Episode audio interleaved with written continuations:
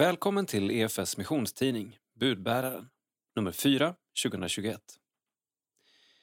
På framsidan ser vi en leende man med helskägg, glasögon och en keps med texten Kokkaffe och Jesus. Bildrubriken Kokkaffe och Jesus. Jonas predikar på Instagram. Övriga rubriker. Globalt. Utökad nödhjälp. Vittnesbörd. Neas mirakel. Smultronställen. Sommargårdarna håller öppet. Innehåll. Sida 4. Många sökande till Johannelund. Sida 5. Padhar sjukhus vädjar om hjälp. Sida 7. Krönika av Kerstin Oderhem. Citat. Det är dags för kyrkan att vakna. Demokrati, frihet och rättigheter måste erövras i varje tid. Slutcitat. Sida 8. Vittnesbörd. Jesus helade Nea och hennes familj. Sida 12. Maggie Morgan vill lyfta kvinnors situation i Egypten. Sida 18. Vi följde prästen Jonas Byström ut i naturen där han når tusentals med sin predikan. Sida 28. Smultronställen. Sommargårdarna håller öppet. Sida 36. Teologisk reflektion. Hur kan ett hjärta bli mjukt? Sida 38. Etiken och den krassa verkligheten. Teologi av Thomas Nygren. Sida 42. Kyrkohistoria. En avgörande tid för EFS. Sida 48. Ny bok om missionärspionjären Vivi Rinman. Sida 50. Kultur. Recensioner och tips. Sida 55. Kultur. Psalm 702. Sida 56. Insändare. Corona. Ett straff från Gud. Sida 59. Info. Nytt och aktuellt inom EFS och SALT. Sida 62. EFS region Sydöstsverige. Sida 65. Salt. Kikärtsgryta och den bästa som finns. Krönika av Rebecka Stighem. Sida 3. Ledare. I Guds tid. Med utgångspunkt i den iver för människors frälsning som funnits som en tydlig ström i EFS allt sedan starten är det spännande att se hur Gud idag verkar utmana oss till nya steg. Somligt kan man planera sig fram till i genomtänkta strategiska processer. Annat liksom bara händer, till synes helt av sig självt. När det vill sig riktigt väl sammanfaller planerna med tillfälligheterna. När Gud så vill. I Guds tid. Det finns ingen motsättning mellan det långsiktiga, uthålliga å ena sidan och det plötsliga, överraskande å andra sidan. För att kunna gripa tillfället krävs det att vi redan är igång med arbetet. För ett par år sedan ställde jag i en intervju i Budbäraren den provocerande frågan till EFS var det pulserande hjärtat för människors frälsning finns. Är ni med på det här eller inte? Och flera hörde av sig och uttryckte sin längtan och sin vilja att med gåvor och böner stödja en sådan inriktning. Sedan dess har mycket hänt och jag märker vilket engagemang det finns. Inte minst för de bland våra syskon som diskrimineras och förföljs för sin tro på Jesus. Nu händer det igen. En ny församlingsgemenskap växer fram mitt i en förföljelsesituation i ett nytt land. Friheten i Kristus är så stark att statligt förtryck inte förmår hålla tillbaka kraften i att få samlas till bön och gudstjänst i Jesu namn. Gud har öppnat dörrar för evangeliet in i sammanhang som vi knappast kunnat drömma om för något decennium sedan. Idag är jag tryggare med att EFS vill gå med. Det har bekräftats på många sätt de senaste åren. Därför formulerar jag frågan annorlunda idag.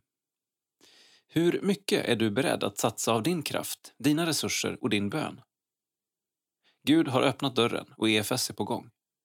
Hur mycket kraft i steget har vi? Det beror förstås på Gud, men också på varje enskild medlem, varje lokal missionsförening och på hela rörelsen. Vem går idag? Vem vill gå med? Vem träder i skördemännens glesa led?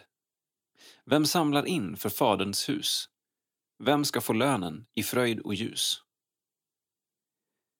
Anna Ölander, EFS psalmbokstillägg 721. Erik Johansson, internationell missionssekreterare EFS. Sida 4. Kortnytt. Ökat söktryck till Johannelund. Totalt 120 elever har sökt till högskolan. Nationellt sett kämpar statliga universitet med att locka elever till teologiska utbildningar.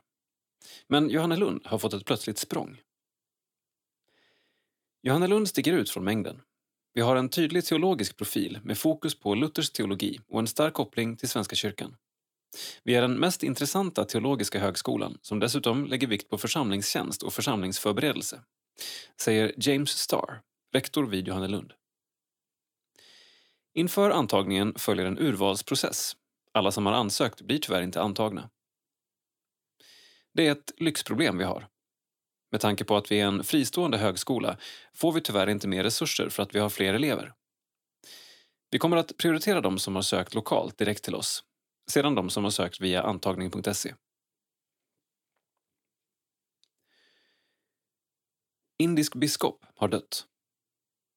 Den älskade och uppskattade biskopen Emanuel Panchu som tjänade i den evangeliska lutherska kyrkan i Chindwara, Madhya Pradesh avled den 23 april på Padhar sjukhus efter att ha insjuknat i covid-19. Han blev 69 år gammal. Läs minnesruna skriven av Erik Johansson på sidan 64. Ny ledare för ny generation. Jag är otroligt taggad på att se vad Gud har för planer för organisationen. Vi befinner oss i en utvecklingsfas. Det är så många ungdomar som har blivit berörda av Guds kärlek genom de kristna skolgrupperna som vi har landet runt och jag längtar efter att se fler elever som vågar peka på Jesus. Säger Andreas Häger, 23 år, som efterträder Emma Bergqvist som ledare för ungdomsorganisationen. EFS svarar på coronakrisen i Indien.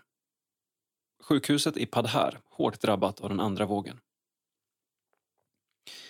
EFS samarbetspartner Padhar sjukhus i Indien går på knäna och tvingas avvisa sjuka på grund av ett överfullt sjukhus. Nu vädjar personalen om hjälp. Jag har sett alla tragedier i mitt yrke som läkare, men detta har skakat mig rejält. Den humanitära katastrofen som pågår går inte att jämföras med någonting annat.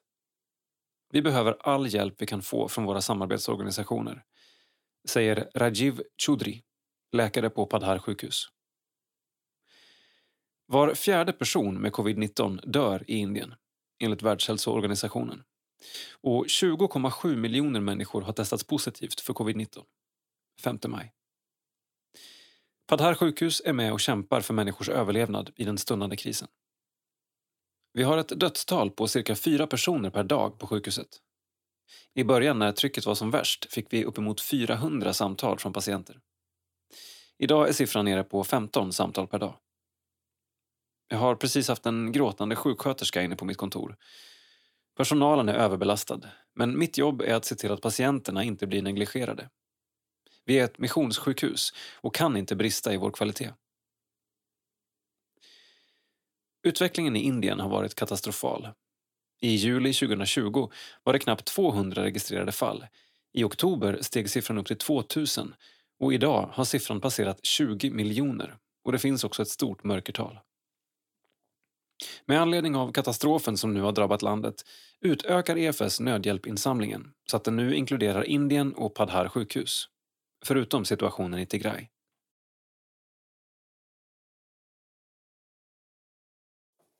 Sidan 7, krönika. Kyrkans ansvar och kraft. Vi behöver se att vi har ett ansvar för den tid som är nu, skriver Kerstin Oderhem. I januari införde Sveriges nya pandemilag. Vi var många som hade förståelse för det och så här efteråt minns jag inte riktigt att det var en stor och stormig debatt kring det hela. Smittspridningen måste begränsas, det förstod vi.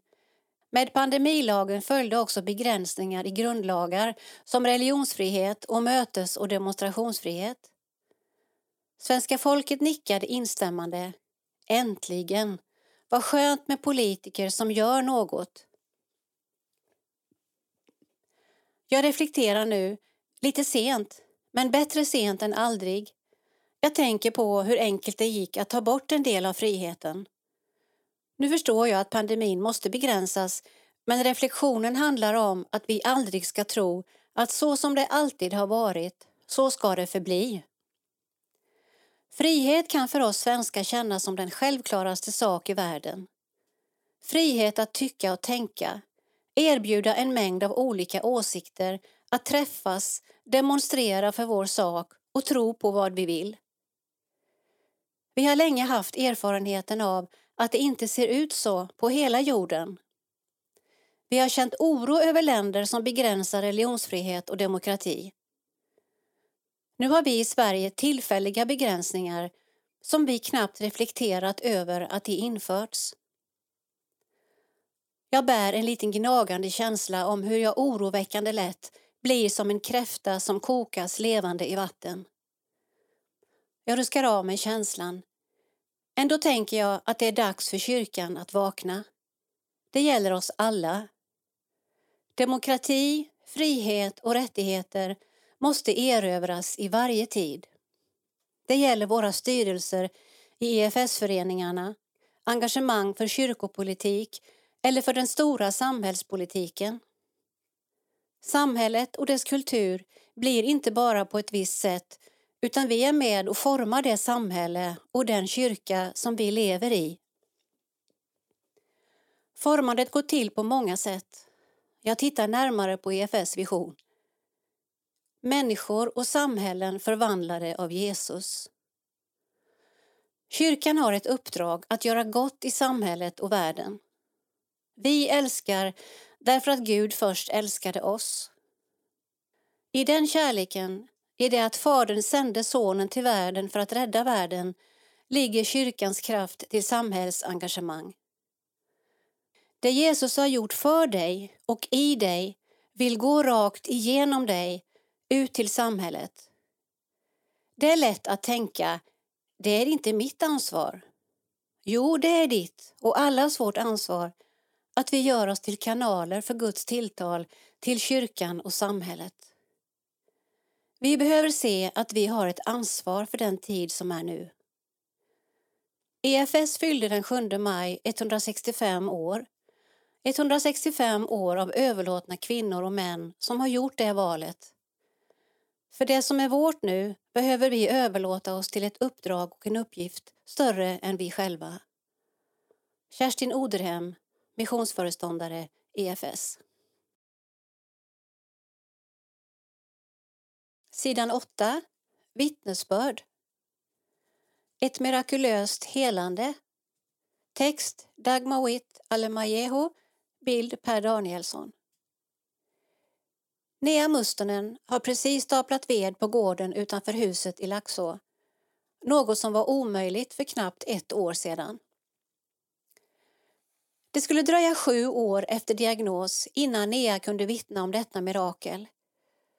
2013 på våren blev hon diagnostiserad med den kroniska och ärftliga bindvävssjukdomen Ehlers-Danlos syndrom, EDS. När jag fick diagnosen var det som att läsa en instruktionsbok om mig själv. Det förklarade allt som hade hänt i barndomen. Jag var konstant trött och kunde inte hålla samma tempo som mina vänner. Jag vrickade fötterna av att gå på plan mark och fick blåmärken utan vidare anledning. Jag hittade diagnosen själv efter tips av en sjukgymnast och diagnosen bekräftades sedan av läkare. Efter att Nea diagnostiserades var det som en negativ nedåtgående spiral.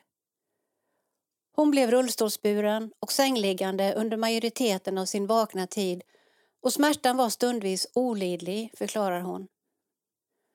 Sjukdomen var outforskad och saknade behandling. Vården bestod istället av symptomlindring. Allt föll som ett korthus. Drömmen om att jobba på ambulans försvann. Vid 27 års ålder var jag sjukpensionär och jag fick lära mig att acceptera det. Man kan säga att jag förlorade min identitet. Men mitt i stormen och ensamheten fick Nea tillbaka sin gudsrelation. Som pastorsdotter hade hon burit med sig en barnatro som tog en vändning i de tidiga tonåren. Hon gjorde revolt, som det heter, och lämnade tron men glömde aldrig de profetiska drömmarna som hon hade under barndomen.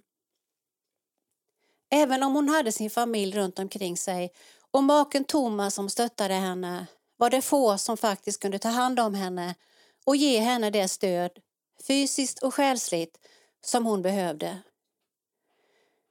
Nea fick bearbeta sig själv. Ett år efter diagnostiseringen med EDS fick hon personlig assistans och kunde tack vare avlastningen mäkta med att vara mamma några timmar om dagen. Den största sorgen var när Emanuel, som är yngst av tre söner, blev diagnostiserad med blödarsjukan. Det var traumatiskt. Vi var tvungna att vara på vår vakt och vi undervisade folk i vår närhet om hur man tog hand om Emanuel. I samma veva kom de profetiska drömmarna tillbaka, drömmar om himlen och Jesus. Det gav Nea styrka att fortsätta och hon förklarar att drömmarna blev som ett slags uppvaknande. Hon är övertygad om att det var Guds omsorg om henne. Längtan efter Gud kom tillbaka och Nea sökte sig till en församling. Jag gick fram för förbön och förebedjaren, en besökande pastor, profeterade att min son skulle bli helad. Jag blev så arg och tänkte, det går inte.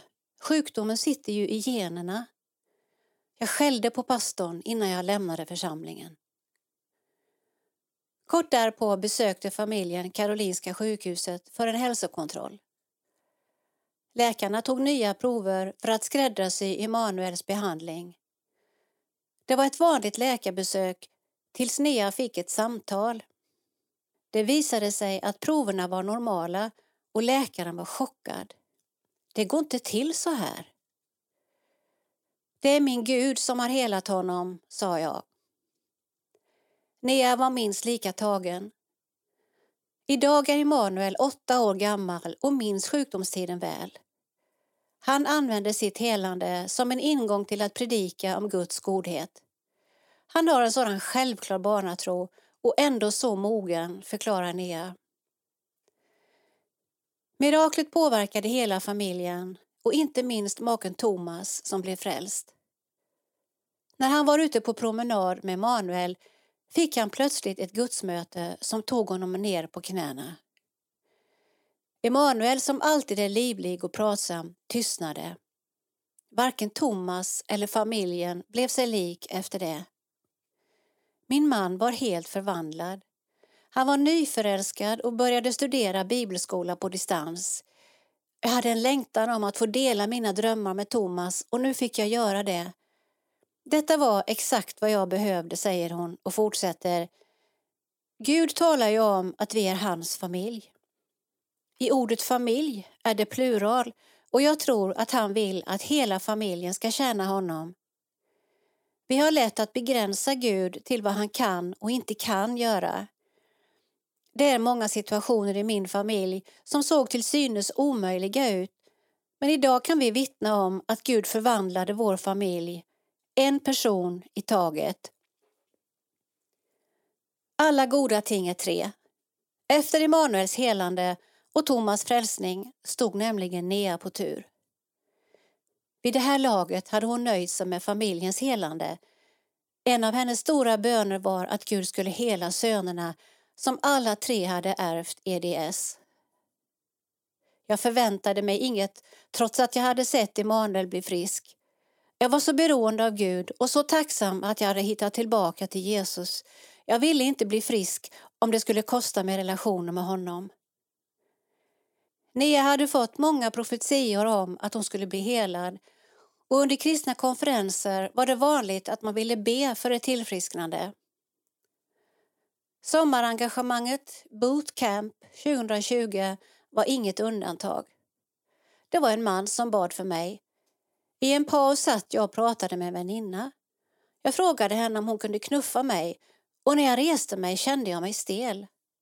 Jag kunde gå 50 meter och använde rullstolen som rullator. Helt plötsligt insåg jag att jag var framme vid kyrksalen. Jag hade gått 200 meter utan någon smärta. Jag tänkte, vad är det som händer? Sedan kom det trappor som jag gick upp för utan problem. Under gudstjänsten satt jag på en vanlig stol, vilket jag aldrig gjort tidigare. Jag kunde böja mig ner på knä. Jag var så salig, säger en tydligt rörd Nea. Sedan den höstdagen 2020 har Neas stegräkning ökat från blygsamma 500 per dag till hela 10 000 per dag. Läkarjournalen är tydlig. Det var ett mirakulöst tillfrisknande. Idag har hon sagt upp den personliga assistansen, arbetar som undersköterska och går bibelskola. Hon vill inget hellre än att berätta för alla att Gud helar än idag och vänder sig avslutningsvis till den som läser detta och är i behov av ett mirakel. Gud ser dig där du är. Han ser vad du ropar efter och lider med dig. Han kommer att ge dig det du behöver. Nea Mustonen Ålder 35 år Bor Laxå Familj Make Thomas Sönerna Max, Edvin och Emanuel. Bibelord. Jag har hört din bön, jag har sett dina tårar. Se, jag ska föröka din livstid med 15 år. Jesaja 38 och 5. Drömmer om att människor ska se hur älskade de är av Gud. Sidan 12. Globalt vårt samhälle erkänner inte kvinnors rättigheter. Coronapandemin har satt den kristna tv-kanalen Satt 7 populära kvinnoprogram Nål och tråd i karantän.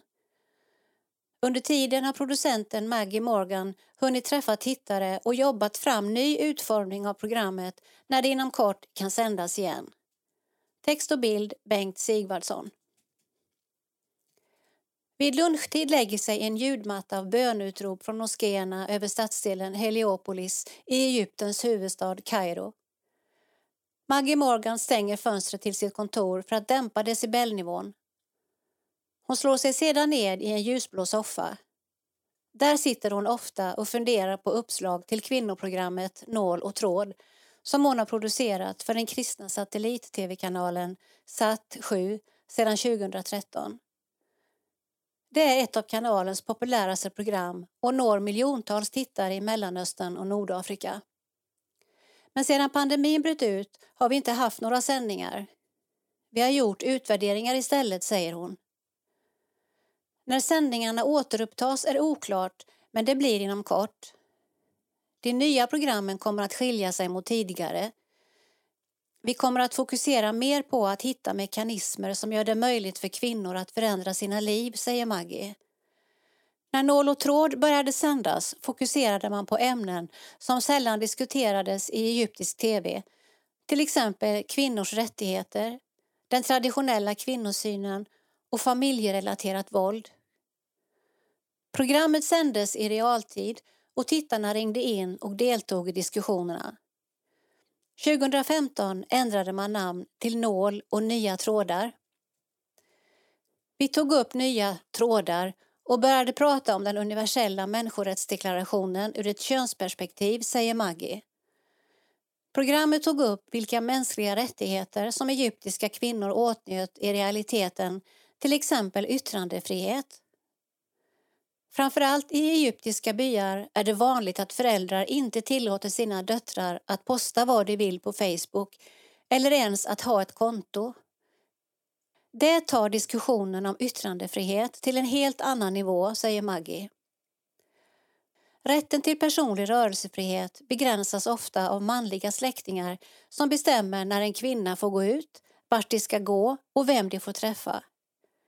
Nu menar Maggie att alla känner till sina rättigheter. Det är dags att omvandla dem i praktiken. Ett tv-program kan vara en ögonöppnare men det kan inte förändra en människas liv. De måste få stöd i sina samhällen, säger hon. Under pandemin har Maggie rest runt med sitt team i Egypten och träffat tittarna, såväl kristna som muslimer, och pratar om hur man ska gå vidare med nål och tråd. Vi har bildat olika fokusgrupper för att göra utvärderingar.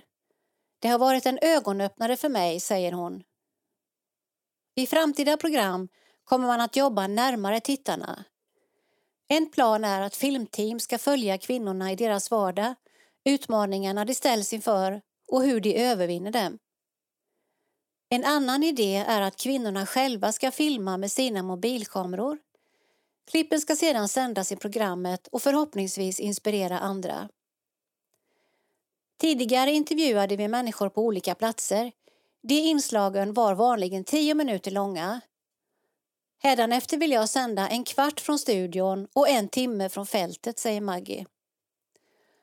Hon berättar om unga kvinnor med drömmar om att slippa bli tvångsbortgifta och själva få välja sina yrken. Jag har hört så många historier som jag vill följa upp som en mentor, säger Maggie. Majoriteten av Egyptens 102 miljoner invånare är sunnimuslimer. Cirka 10 procent är kristna. De flesta tillhör den koptiska kyrkan.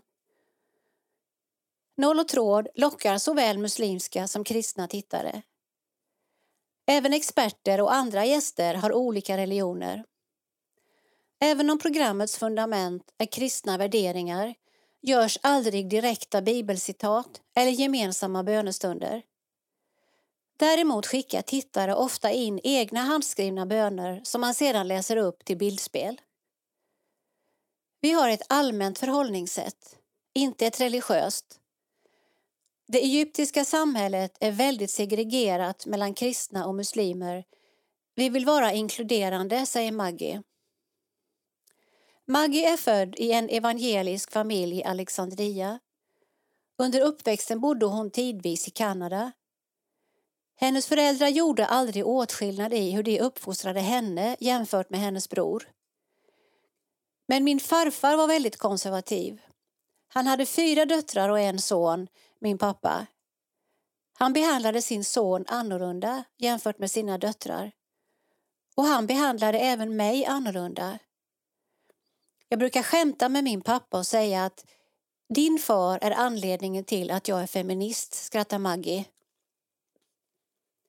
Under uppväxten påverkades hon starkt av en kvinnlig vän till familjen. Hon log aldrig, inte ens på sitt eget bröllopsfoto. När jag frågade varför svarade hon Eftersom jag alltid har varit olycklig, berättar Maggie. Kvinnan hade blivit bortgift i unga år och aldrig fått förverkliga sina drömmar. Intresset för genusfrågor växte när Maggie pluggade på universitetet i Kairo. Det är även det hon fokuserat på sedan hon började jobba som filmare och producent år 2000. Jag insåg tidigt att det största problemet var att vårt samhälle och kultur inte erkänner att kvinnor har rättigheter, säger hon. Enligt Maggie påverkas kvinnors situation framförallt av socioekonomiska faktorer och utbildningsnivå. Utsattheten är större bland kvinnor från fattiga familjer men alla stöter på könsrelaterade problem. Situationen i stort är detsamma för såväl muslimer som kristna. Kulturen påverkar definitivt en kvinnas situation. För en del gör religionen det värre, säger Maggie. Den koptiska kyrkan förbjuder skilsmässa, förutom vid äktenskapsbrott, medan muslimska kvinnor kan begära det under fler omständigheter. Sedan flera år jobbar Maggie med en dokumentär i en övervägande kristen by där självmordsfrekvensen är hög bland kvinnor. En kvinna tog livet av sig eftersom hon inte kunde få barn. Hon ville ge sin man chansen att gifta om sig med en kvinna han kunde få barn med, suckar Maggie. En annan kvinna misshandlades regelbundet av sin make. Hon sökte tröst hos byprästen, men skickades hem igen. Slutligen begick hon självmord. Jag tror att om det hade varit muslimska kvinnor som får skilja sig hade deras liv kunnat bli mer uthärdliga. Å andra sidan fruktar många muslimska kvinnor att deras män skaffar sig fler fruar, säger Maggie. Bland många egyptier är det accepterat att en man slår sin fru. Koranen tillåter det och det är även utbrett bland kristna.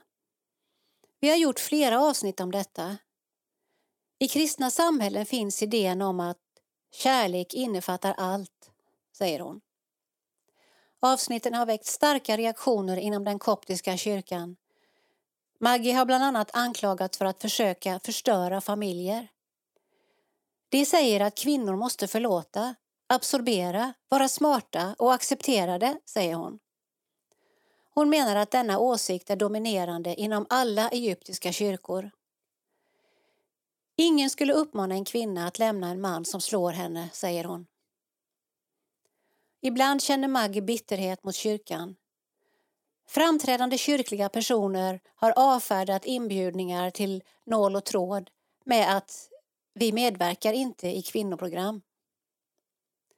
Det finns inga kvinnor i den koptiska kyrkans ledning. Alla präster och diakoner är män. I den protestantiska kyrkan finns det kvinnliga ledare men inga präster eller pastorer, säger hon. Synen på kvinnan präglas av Ordspråksboken 31. När kyrkan delar ut utmärkelser på till exempel Mors dag är det vanligen de mest lidande kvinnorna som får det, säger hon. Hon beskriver den typiska kvinnan som belönas som en 75-årig änka med sex barn som tidigt förlorade sin make. Det är alltid en väldigt självuppoffrande person som hedras. I Nål och tråd har vi länge ställt frågan varför hedrar ni aldrig någon som är lycklig istället? säger Maggie. Sedan Maggie inledde sin yrkeskarriär för 21 år sedan har det skett många förbättringar för kvinnor sedan olika problem belysts i medier och börjat diskuteras. Jag tror på dominoeffekten, att saker påverkar varandra. Mitt första projekt, år 2000, var om kvinnlig könsstympning. Då var 97 procent av alla gifta kvinnor könsstympade, säger hon. Nu har andelen könsstympade gifta kvinnor sjunkit till 92 procent. Även sexuella trakasserier mot kvinnor var länge en farsot. På senare år har det kommit flera lagar mot det. År 2000 fanns det inte ens ett arabiskt ord för trakasserier. Det gör det numera och folk pratar om det, säger hon. Det har även skett framsteg på andra plan. Det har blivit färre tvångsäktenskap och allt fler flickor går i skolan. Jag ser inte mig själv eller någon kvinna jag känner som offer. Det är oerhört inspirerande att se hur olika personer klarar av att överleva men också hur de lyckas välja livet och glädjen, säger Maggie. Sidan 18. Porträtt. Mobilen och kokkaffe. Predikan i pandemitider. I tonåren ville han helst vara tyst om sin tro. Nu vill han inget hellre än att förmedla Jesu hopp och kärlek. Med Instagramkontot Kokkaffe och Jesus gör prästen Jonas Byström succé. Text och bild Jakob Arvidsson. Vid bönhuset i Gottne strax utanför Örnsköldsvik möter jag upp Jonas Byström. Vi ska vidare ut i skogen och jag tar rygg på hans smått episka Volvo som rullat hela 52 000 mil. Det märks att vi är på Jonas hemmaplan när han skickligt väjer undan för varenda grop och gupp på grusvägen. Efter att ha gått sista biten till fots slår vi oss ner på våra liggunderlag. Vårsolens strålar tränger fram mellan trädkronorna och ån som porlar några meter bort skapar en idyllisk ljudkuliss till vårt samtal. Visst är det väl ändå underbart att ha naturen så nära till hands, konstaterar Jonas samtidigt som han gör upp en eld. I dessa gamla väckelsebygder är Jonas uppväxt i en EFS-familj där även samtliga mor och farföräldrar tillhörde EFS. Man kan nästan säga att jag är uppväxt i bönhuset.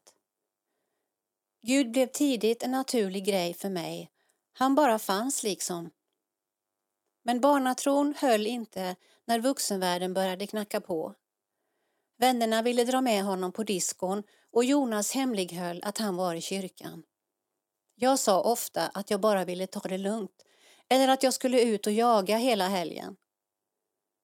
Och när gideoniterna hälsade på i skolan och frågade om någon i klassen var kristen så höll Jonas ner sin hand. Jag vågade inte stå upp för min tro.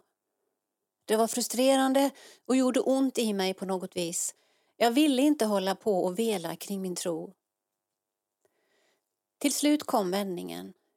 Närmare bestämt på scoutlägret Patrullriks i Holmsvattnet 1996. Vi gick upp på ett berg för att fira nattvard och prästen talar om vikten av att släppa in Jesus i sitt liv. Jag började fundera. Hade jag någonsin gjort det? Eller hade jag alltid bara tagit honom för givet? Jag kunde ju min bibel, men jag hade liksom inte släppt in Jesus i mitt hjärta, säger han och fortsätter. Efter nattvarden satte jag mig ner, slöt mina ögon och bad Jesus att flytta in i mitt liv. Det var en enkel bön om att jag ville tro på honom, följa honom och lägga mitt liv i hans händer. Och när jag satt där och bad kände jag en värme inuti hjärtat och kroppen skakade lite lätt. Jag förstod inte riktigt vad som hände med mig men jag kunde förstå att Jesus kom och mötte mig där på berget. Därefter följde en tid som han beskriver som en förälskelseperiod. Han fick uppleva mycket av Guds närvaro och fick många bönesvar. Till sist var jag med om att höra Guds röst. Det ledde till att det började banka i mitt hjärta. Jag kände en stark längtan efter att få berätta för andra vad jag varit med om. Det fanns dock ett stort hinder på vägen. Jonas är född med gomspalt och hade vid den här tiden ett rejält dåligt självförtroende när det gällde hans röst. Jag pratade nasalt, uppe i näsan och var väldigt obekväm med att tala inför människor. Jag ville verkligen inte, men jag kunde inte hålla tyst. Det var lite som den eld som Jeremia beskriver inom sig. Så till slut frågade jag min ungdomsledare om jag fick hålla i en andakt. Under den andakten kände Jonas hur Gud bar honom och han beskriver det som om att Gud nästan la orden i hans mun. Det gick faktiskt bra. Kompisarna lyssnade verkligen och några kom fram och tackade efteråt. Jag upplevde att en kallelse växte fram, att få fortsätta berätta för andra om min tro. Så här i efterhand är det egentligen helt otroligt att Gud valde just mig, med mitt dåliga självförtroende, att tala inför andra, att predika hans ord. Kallelsen växte sig starkare och starkare och direkt efter lumpen inledde Jonas sina präststudier vid Johannelunds teologiska högskola. Redan som 23-åring vigdes han till präst som den yngste i landet det året. Det var helt klart Guds omsorg att studierna gick vägen för skolbänken har aldrig varit något för mig. Jag var ung och visste kanske inte allt om livet men jag visste att jag ville förkunna Guds ord och att jag hade fått en glädje i att berätta för andra om Jesu kärlek. Första tjänsten var i Nordingråkretsen som predikant. Jesus hade tolv lärjungar och jag hade ansvar för tolv bönhus, säger Jonas med ett skratt. Det var en intensiv men rolig tid. Jag tycker ju så mycket om att predika och hade en mentor med mig i Harald Eriksen som stöttade mig. Under tiden på Johannelund träffade han också sin blivande fru Linnea. 2009 flyttade paret till Gottne, där de är kvar än idag. Jag gillar landsbygden. Här får jag möta människor på ett annat sätt än i en stad. Det är många som vill mycket här och det finns en stor längtan efter Jesus. I Gottne samarbetar EFS med Pingst och EFK. Tillsammans bildar de en stor församling, Framtidskyrkan, som är ansluten till tre riksorganisationer. Vi har en dubbel dopsyn, vilket kan vara lite klurigt, men annars fungerar allt jättebra. Personligen gillar jag ekumenik och att vi som kristna kan vara tillsammans och se styrkor hos varandra även fast vi ibland tänker olika. Det viktiga är att kunna förenas kring det stora och inte bråka i det lilla, att våga se att Gud är större än teologi. Jonas har aldrig varit någon vän av sociala medier. Han har snarare varit en motståndare. Därför är det fascinerande att just han startade Instagramkontot Kokkaffe och Jesus där han delar korta och finurliga videoandakter via sin mobiltelefon. Den första tanken kom från min bror för flera år sedan. Han tyckte att jag skulle bli jaktpastorn på Facebook. Men jag sa nej, nej, sånt där trams är jag emot. Men när pandemin kom och pausade majoriteten av kyrkans verksamhet så upplevde Jonas ett tilltal från Gud.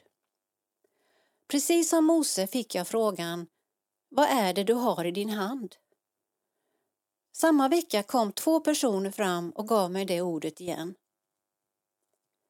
Lite motvilligt fick jag erkänna att jag har en mobiltelefon i handen som jag enkelt kan filma med och i andra handen har jag över 30 års erfarenhet av skogen, mitt andra hem.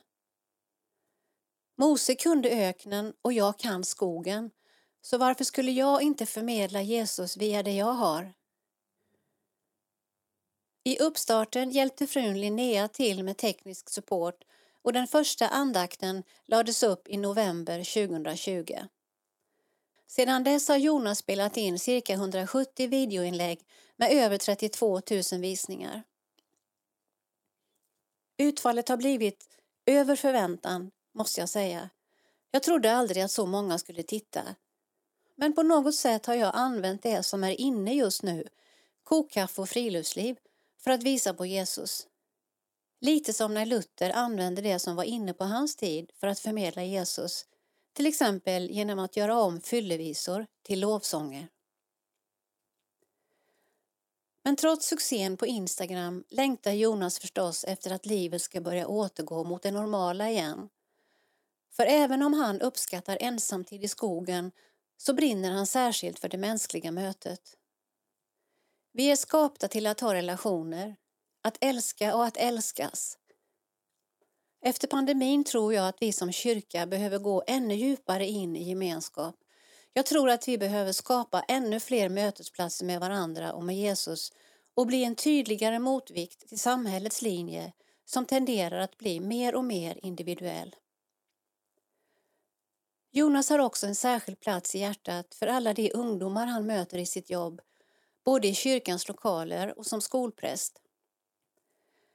I dagens läge, där känslan ganska tydligt är att ungdomar mår sämre och sämre, vill jag inget hellre än att få förmedla till ungdomarna att Jesus älskar dem kopiöst och villkorslöst och att han har en tanke med deras liv. Vid en digital medarbetarsamling för anställda inom EFS delade Jonas ett fint exempel på arbetet i skolan. Jag hade haft en begravning och när jag kom ut såg jag ett gäng ungdomar gå över parkeringen för att smygröka bakom kyrkan. Jag visste att en av ungdomarna precis fått igenom sin A-traktor på besiktningen så jag ropade ett högt grattis. Vadå, jag fyller väl inte år, svarade han. Men jag tänkte på traktorn, sa jag. Och då skriker han tillbaka inför alla sina kompisar och så nästan hela Bredbyn hörde. Ja, det är ju för att vi bett för traktorn på skolkyrkan. Jonas blev helt varm i hjärtat efter den dialogen. Jag blir berörd när det betyder något för ungdomarna att vi ber i skolan. Ibland kan man tänka, är det verkligen seriöst att be för traktorer, besiktningar och mopeder som skurit? Men för ungdomarna betyder det mycket.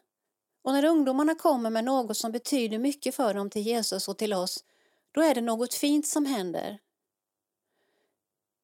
När vår fina förmiddag tillsammans går mot sitt slut och vi är på väg tillbaka mot bilarna frågar jag hur länge han tänkt hålla på med sin Instagram-satsning. I någon form kommer jag att fortsätta, även om det inte kan bli lika många inlägg sedan när all vanlig verksamhet startar. Men när man är på rätt plats och gör rätt sak i livet finns det ett otroligt mervärde.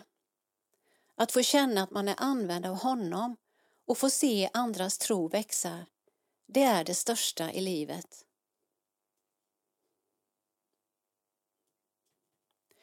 Så här säger Jonas i en av de cirka 170 videoandakter han spelat in. Varmt välkomna ska ni vara till Kokkaffe och Jesus. Jag ligger och skjuter in bössan och prövar ny ammunition. Ut kommer det tomhylsor, förbrukade patroner. Vanligtvis har de en kula längst fram, men när de är skjutna så blir det en tom hylsa. Krutet är borta, kulan är borta. Patronen blir ofarlig och fyller ingen funktion längre. En del av er kanske känner er som en tomhylsa. Ni kanske känner er förbrukade. Krutet är borta. Det kan vara olika saker i livet som gjort att ni känner er förbrukade och tomma. Men de här hylsorna kan man ladda om så de får nytt liv. Gud har skapat dig och han vill ladda om dig. Han vill fylla dig med nytt krut. Oavsett vad du känner i livet så vill Gud möta dig, fylla dig och använda dig. Du är inte förbrukad. Det finns mer av dig kvar. Gud vill fylla dig på nytt med liv, med kraft. Det var några små tankar utifrån en tomhylsa. Ha en bra dag! Jonas Byström Ålder 38 år Familj frun Linnea och barnen Elia och Miriam Arbete Präst inom EFS och Framtidskyrkan Intressen Jakt och friluftsliv Drömmer om att fler ungdomar ska få möta Jesus och att få skjuta en stor älgtjur. Sida 28. Smultronställen. Hemester i Sverige. Så skapar du semesterkänsla. Njut av den fantastiska svenska sommaren på en av EFS gårdar. Friluftsliv, bad och kristen gemenskap. Här finns något för alla smaker. Hitta ditt nya smultronställe här. Vi ser en Sverigekarta med nummer utplacerade för vart och ett av de följande platserna. Storstrand kursgård EFS Sundet Lillstrand Solviks folkhögskola. Mobackenkyrkan. Strandudden. Stortjärns ungdomsgård. Roseniusgården. EFS-gården Backen. Strömbäcks folkhögskola. Pengsjögården. EFS fjällgård i Klippen. Prästänget. Solbacken. Vilhelmsbergs kurs och lägergård. Frösövallen. Hollandsgården.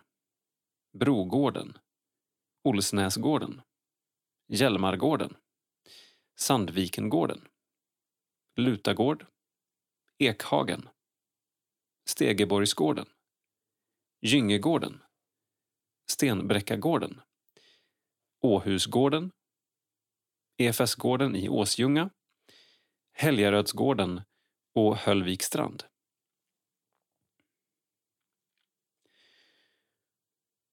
Brogården. Via idrottsföreningen, barnkören eller tillsammans med familjen. Vägarna är många som leder till Brogården. Här är det lägerverksamheten som är navet för oasen vid Hälsingekusten.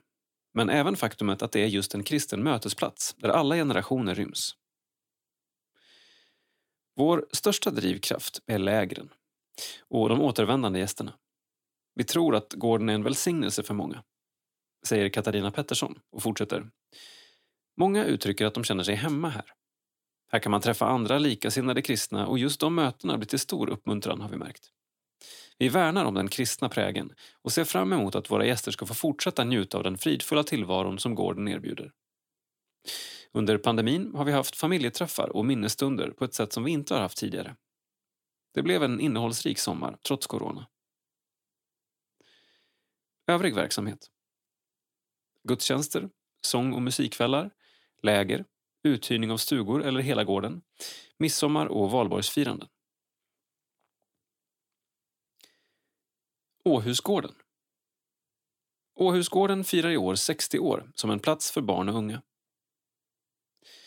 Denna plats har alltid varit en gård för barn och ungdomar. Bland annat anordnas två årliga sommarläger. Ett konfirmationsläger anordnas av EFS Sydsverige. Det andra är ett konfirmations-scoutläger som anordnas av Åhuslägret. Åhuslägret är ett läger för människor med funktionsnedsättning men också för övriga barn och ungdomar, säger gårdsföreståndaren Kurt Götesson. Åhuslägret jobbar med att integrera de som har det lite svårt och de som kan får möjlighet att ta ansvar och stödja sina lägerkamrater. Förra året ställdes Åhuslägret in på grund av pandemin så i år är det många som längtar efter ett läger. Det blir nog större än någonsin, säger Götesson. Övrig verksamhet. Helgläger för konfirmander. Campingstugor och rum. Barnkör. Grillkvällar. Föreläsningar. Konferenser. Kurser. Konserter och gudstjänster. Gud har en plan för prästänget. Vardagsevangelisation, lågtröskelverksamhet och den helige Andes ledning är framgångsreceptet för Prästängets sommargård.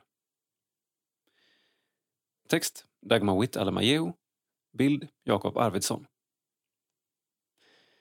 Här har styrelsen och värdfamiljerna en brinnande passion för gården så att det väller över till kommande generationer. EFS-gården Prästänget, som funnits i 70 år, ligger vackert belägen vid Väckefjärden söder om Örnsköldsvik. Gården har en fin utsikt mot bergen och ligger alldeles vid vattnet. Nanne Näslund, medlem i föreningen, beskriver Prästänget med ett ord. Wow. Prästänget, vilken plats att komma till. Det är många som fascineras av att det är så fint, säger Nanne Näslund. Nanne har varit engagerad i Prästänget sedan hon flyttade till Örnsköldsvik 1984 och har tillbringat i princip varenda sommar på gården. Till en början som värd tillsammans med sina barn. Idag är barnen vuxna och är själva värdar tillsammans med sina respektive familjer. Planeringen inför sommaren är i full gång för Nanne som sitter i programkommittén. 2020 var dock ett utmaningens år och hon medger att det har påverkat den annars inspirationsfyllda planeringstiden. I fjol hade vi gudstjänster varje söndag och kunde följa restriktionerna och maxgränsen på 50 besökare genom att samlas utomhus i friska luften. I år öppnar vi upp efter midsommar och hoppas och ber att restriktionerna ser annorlunda ut än i dagsläget. Nytt för i år är att Prästänget är värdar för en krikgrupp utöver det årliga skaparlägret. Vi hoppas på spin-off-effekter efter sommarens ungdomsläger, säger Bengt Wik, ordförande i styrelsen, och fortsätter Historiskt sett har Prästänget varit just en barn och ungdomsgård. Vi hoppas på fler läger, retriter och uppbyggelsekonferenser i framtiden där fler unga och unga vuxna tar mer plats. Därför är det uppmuntrande att se hur ungdomarna har tagit initiativ till att bygga en bastu, förklarar han.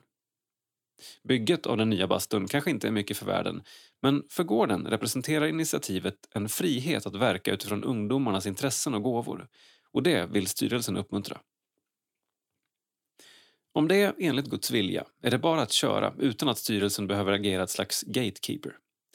Det viktigaste är inte hur eller när det sker utan det viktigaste är gemenskapen och att man har Jesus med sig i planeringen. Och behovet av engagemang från ungt håll har blivit tydligare med åren, medger Bengt. När styrelsen har sett över planeringen och framtidsvisionen för gården har det varit viktigt att inkludera de som ska ta över stafettpinnen. Under det senaste årsmötet välkomnade styrelsen två 18-åringar och en 20-åring. För Bengt är det viktigt med representation. Prästänget är som man säger på kyrkiska en lågtröskelverksamhet. Gården fyller en viktig funktion och är en plats dit man kan komma precis som man är. Vi som arbetar på gården vill också ge uttryck för att det går att prata med oss. Att det är helt okej okay att bada och sola utan att vi ropar Jesus och halleluja.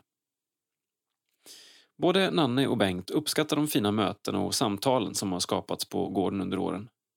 Prästänget har både kristna och icke-kristna besökare och många av dem är återkommande campinggäster. Vi är inte så påstridiga, men det blir absolut lite evangelisation. Det är en viktig uppgift i Guds rike, säger Nanne. Och Bengt instämmer. Jag tror att Gud har en plan för prästänget. Om vi säger att vi vill samarbeta med den helige Ande skapas det möjligheter. Det behöver inte vara krångligare än så. Man får tro att vår verksamhet kan vara en del av ett såningsarbete. Om vi sår eller skördar är mindre viktigt. Det viktigaste är att säga att vi står till Guds förfogande, säger Bengt. Sida 36. Teologisk reflektion.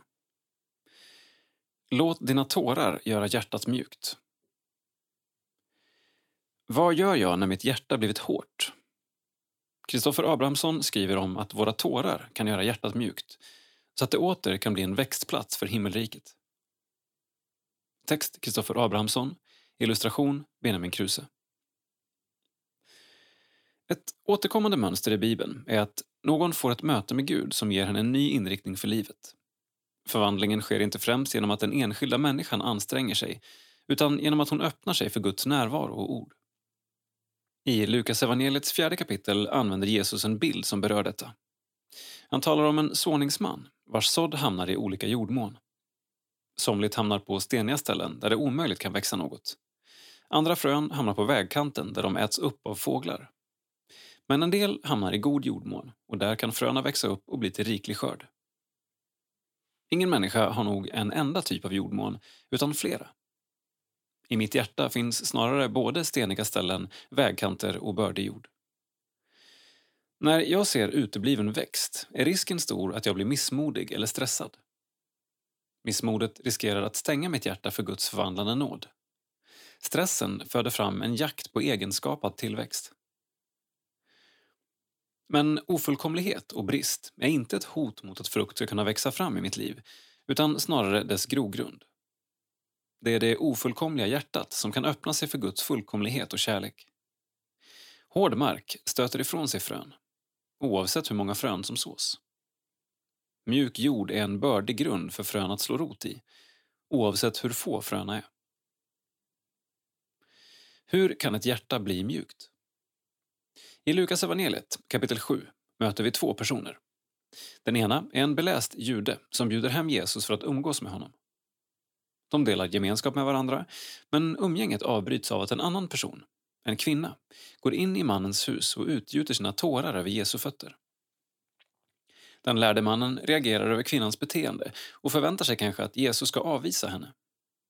Men Jesus lyfter fram kvinnan som en förebild och säger sedan hon har fått förlåtelse för sina många synder, ty hon har visat stor kärlek. Den som får litet förlåtet visar liten kärlek. Kvinnan som gråter sina tårar vid Jesu fötter och utgjuter sin kärlek inför honom kan bli vår förebild. Hon visar oss hårdhjärtade vägen framåt till ett förvandlat liv. Vi vet inte varför hon gråter. Det vi däremot märker är att hon inte verkar vara särskilt upptagen med hur människor ska uppfatta hennes kärlek till Jesus. Längtan efter Jesus driver henne att söka sig närmare honom och omgivningens eventuella reaktioner hindrar henne inte. När vi väl fått skåda Jesu blick behöver vi inte ängsligt stirra oss runt omkring på hur omgivningen reagerar. Istället har det tillvända ansiktet från Gud själv väckt längtan att tränga oss närmare honom. Genom att bli viss att Guds ansikte är vänt mot mig, oavsett vad jag lyfter fram inför honom, vågar jag söka mig till honom med hela mitt liv. Både det jag är stolt över och det jag skäms inför. När längtan efter Jesus blivit stark nog hindrar inte omgivningen mig från att söka mig till Jesus. Genom att komma i kontakt med min längtan och min nöd drivs jag till honom som kan möta min längtan. De tårar som rinner ner över våra kinder kan rena blicken och leda oss närmare Jesus. Den som söker sig till Jesus och utgjuter sina tårar och sin kärlek över honom låter tårarna bli likt vatten som faller på torr jord.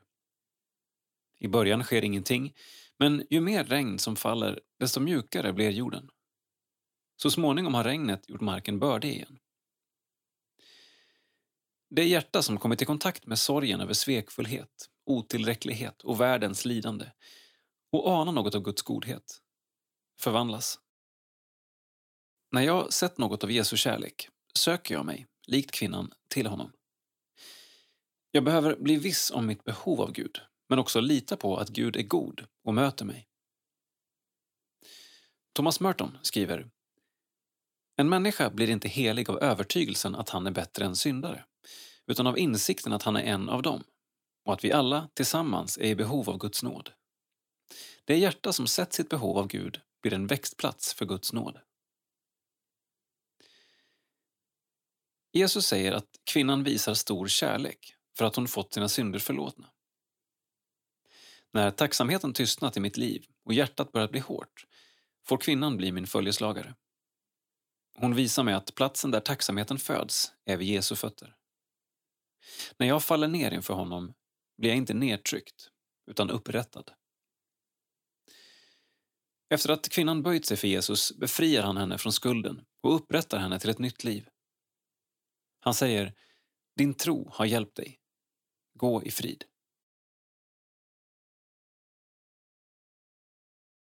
Sida 38. Teologi. Etikens ideal och den krassa verkligheten.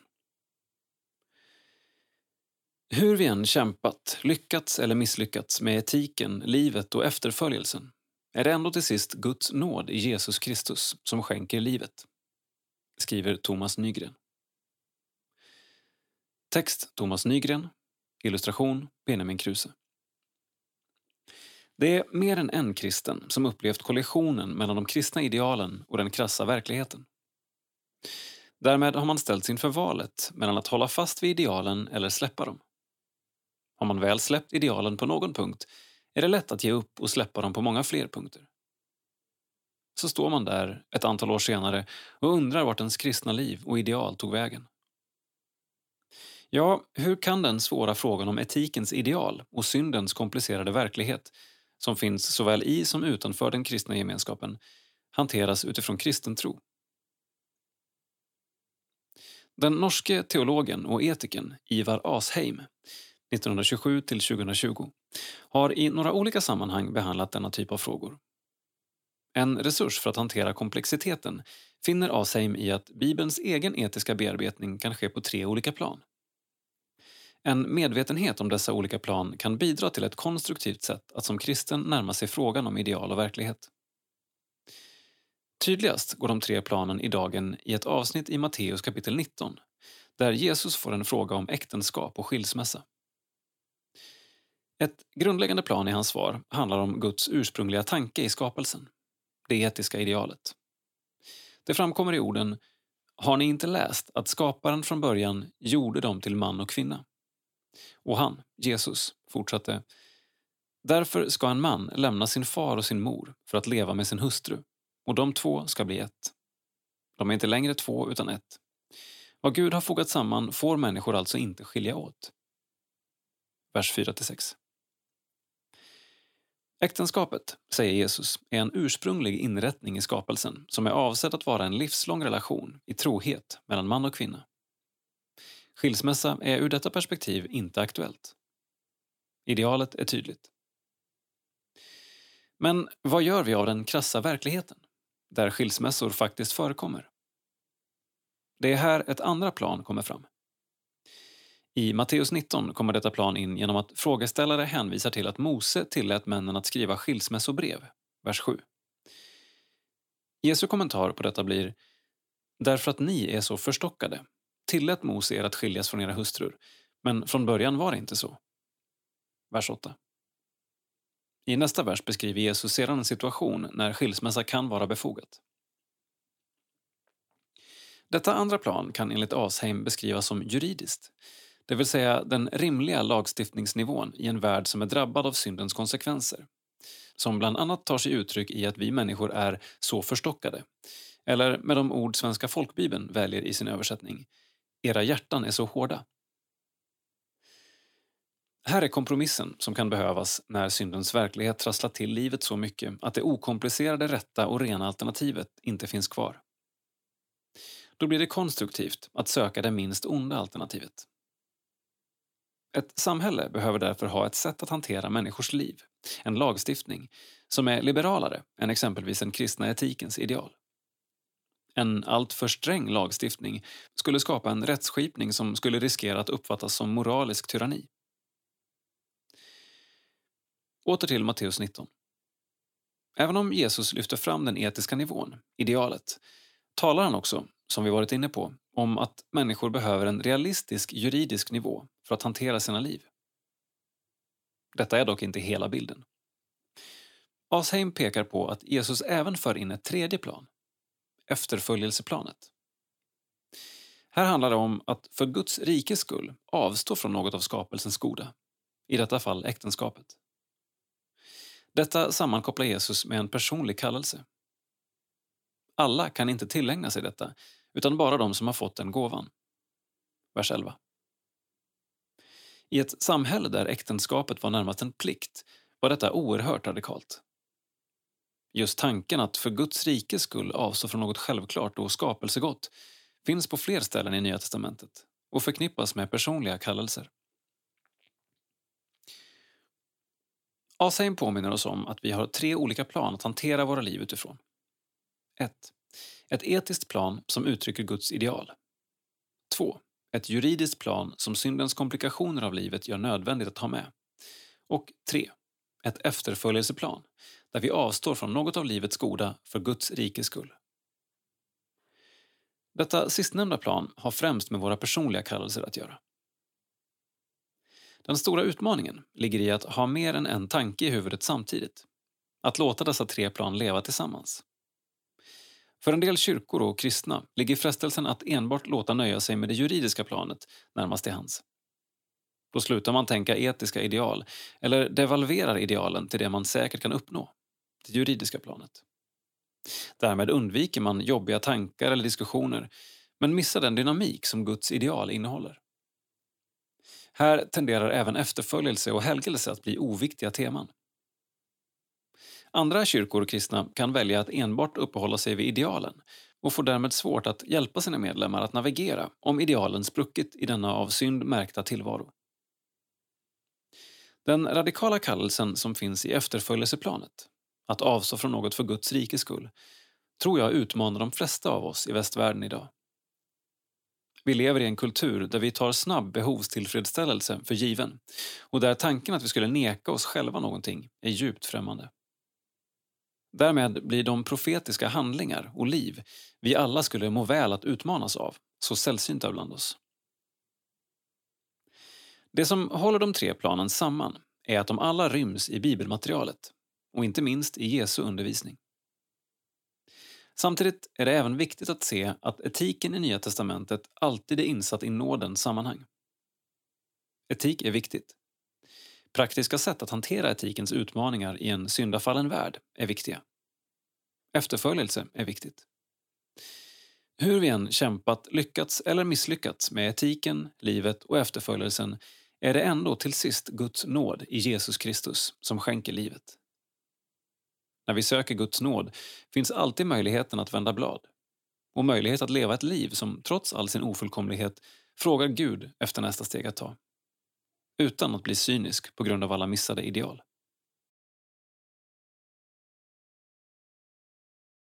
Sida 42. Kyrkohistoria. Artikelserien med nedslag i EFS historia går vidare till 1860-talet. En tid av initiativ och uppstart inte minst av det internationella missionsuppdraget. En avgörande tid för EFS. 1860-talet. Text Martin Nilsson. Bild EFS arkiv.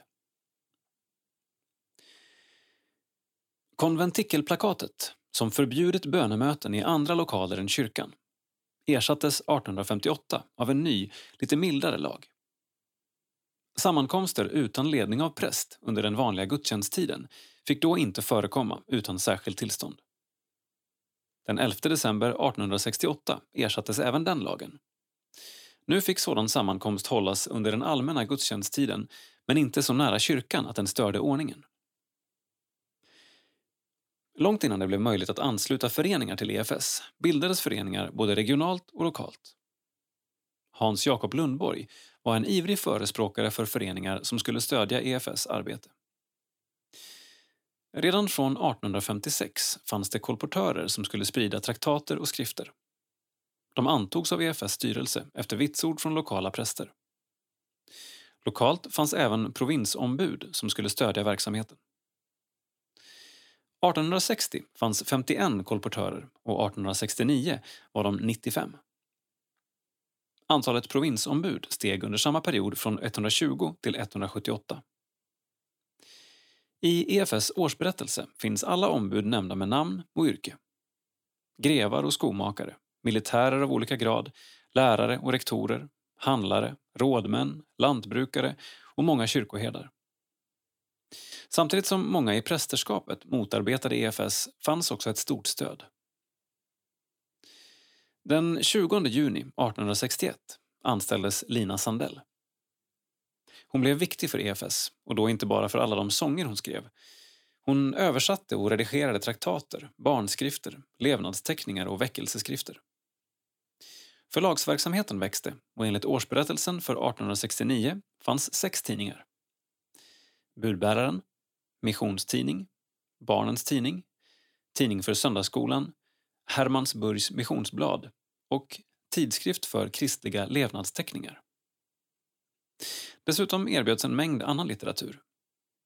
Tio olika bibelutgåvor, 27 olika versioner av postillor och uppbyggelseböcker, 14 kalendrar, berättelser och försvarsskrifter, 13 missionsskrifter, 8 andliga sångböcker, 95 olika traktater och 14 planscher och kartor.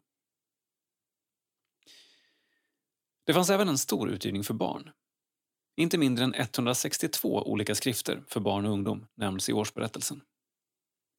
Att en del lokala föreningar kallades för traktatsällskap är då inte så konstigt.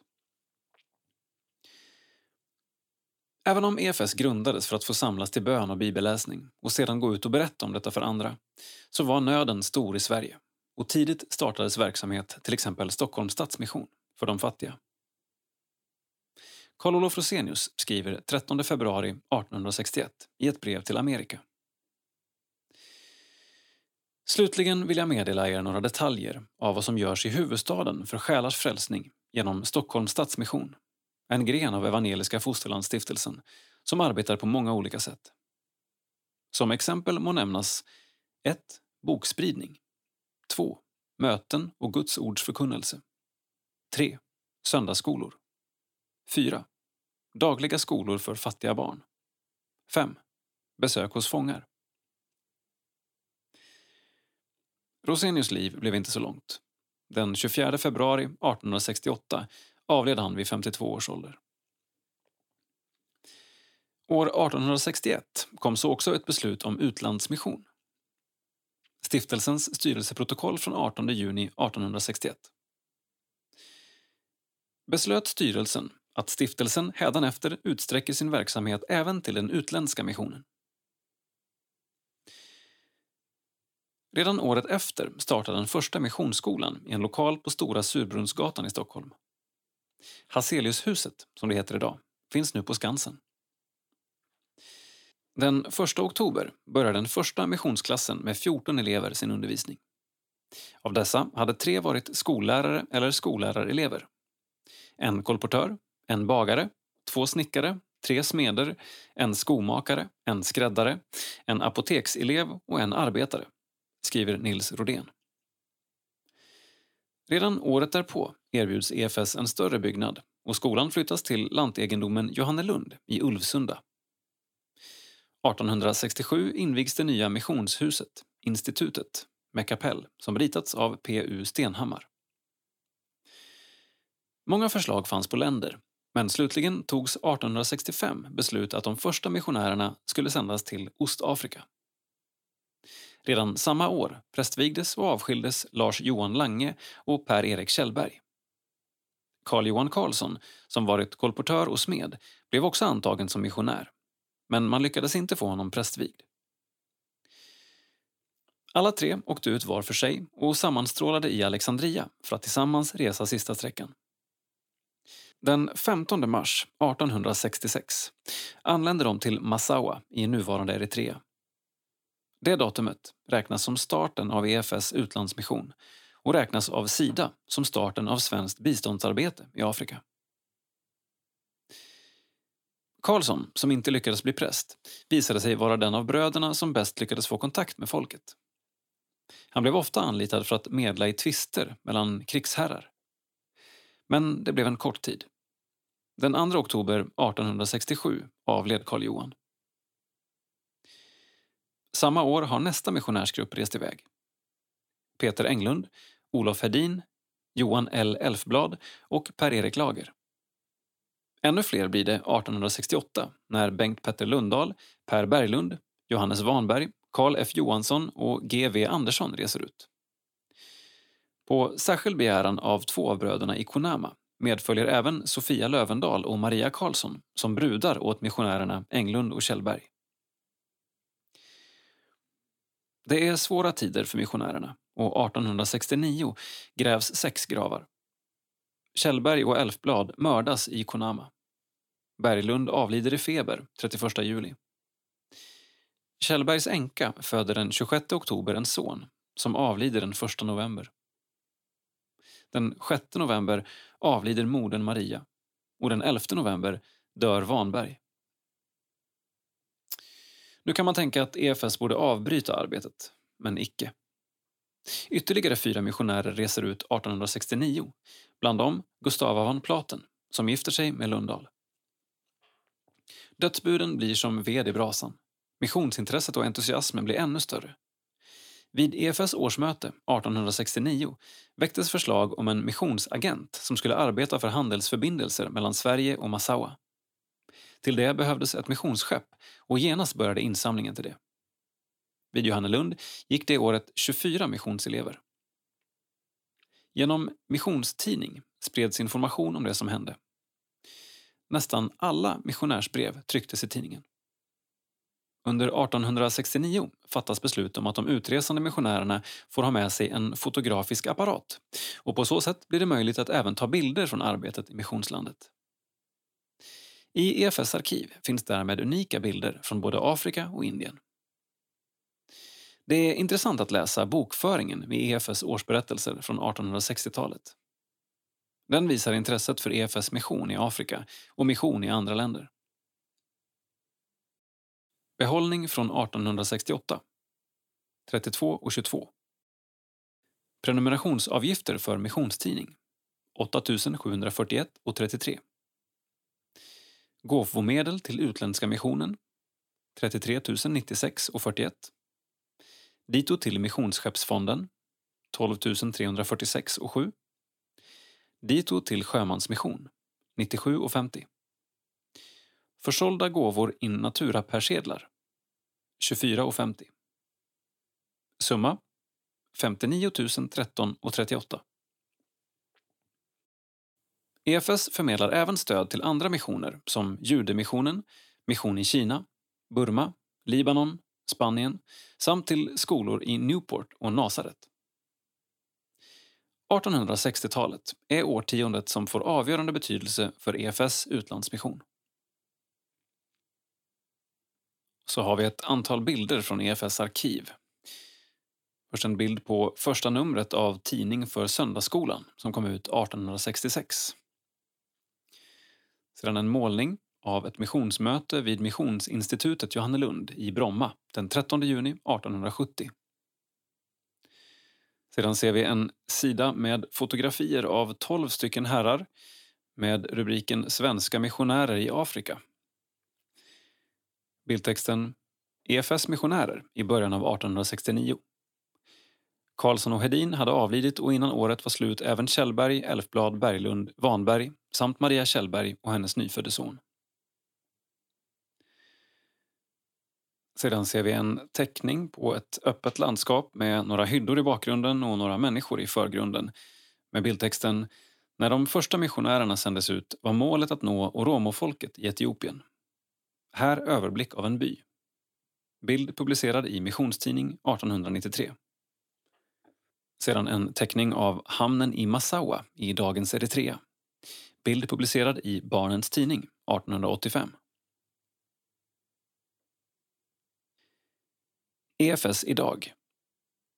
Vilka fantastiska förebilder våra föregångare är. Att i tider av ofrihet, motstånd och förföljelse oförtrutet och frimodigt sträcka sig mot målet. Att ta missionsbefallningen på största allvar och gå ut till fjärran och okända länder i en tid som präglades av nöd och fattigdom hemma i Sverige. Att målmedvetet bygga Kristi rike genom förkunnelse, tidningar och böcker men också genom att skapa organisation samtidigt som man värnade inom kyrkligheten. En självklar fråga för oss idag blir hur vi förvaltar arvet. Men ännu viktigare, hur återupplivar vi det? Vad behövs för att EFS åter med frimodighet inte bara kan kalla sig väckelserörelse utan även i ordets djupaste mening vara det? Jag ser hur Gud än idag använder oss på alla våra olika nivåer. Hur vårt bidrag i Svenska kyrkan idag är viktigare än någonsin. Låt oss frimodigt be om ny besökelsetid för vårt land och att vi, i all vår otillräcklighet, får vara ett av redskapen. Johan Eriksson, chefredaktör. Sidan 48. Kultur. Boksläpp. Ung och inflytelserik missionärspionjär.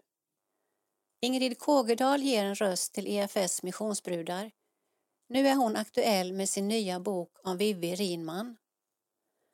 Text Dagmar Witt Alemajeho. Bild EFS arkiv. Vad vore EFS mission utan kvinnorna? Och vem vill skriva deras historia? Den uppmaningen läste Ingrid Kågedal under ett kommentarsfält och det satte igång skrivprocessen till hennes nya bok om Indienmissionären Vivi Rinman. Jag läste lite om henne och kände att vi skulle komma bra överens, säger författaren Ingrid Kågedal. Kågedal lärde känna Rinman i landsarkivet i Uppsala där hon fotograferade av hennes veckovisa brev hem till hennes mamma.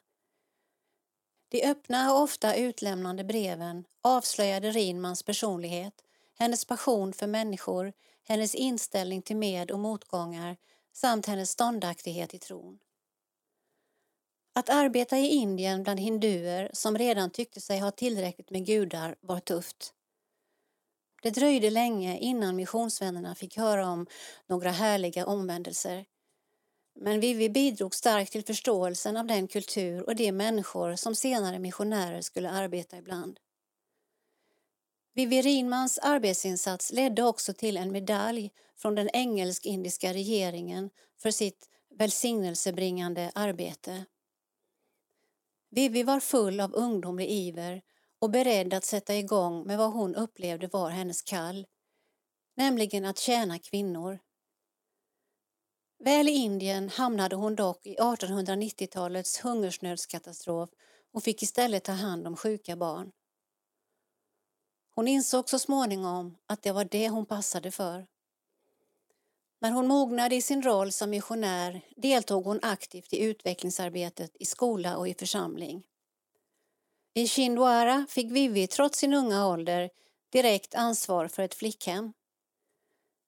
En av utmaningarna var just att hon var ung, blott 22 år, när hon reste till Indien. Vivi visade dock att hon var en högst kompetent person som fick stort inflytande. Hon hade god självkänsla och stod för sina åsikter, säger Kågedal. Vivi i Chindwara går att köpa på shop.efs.nu.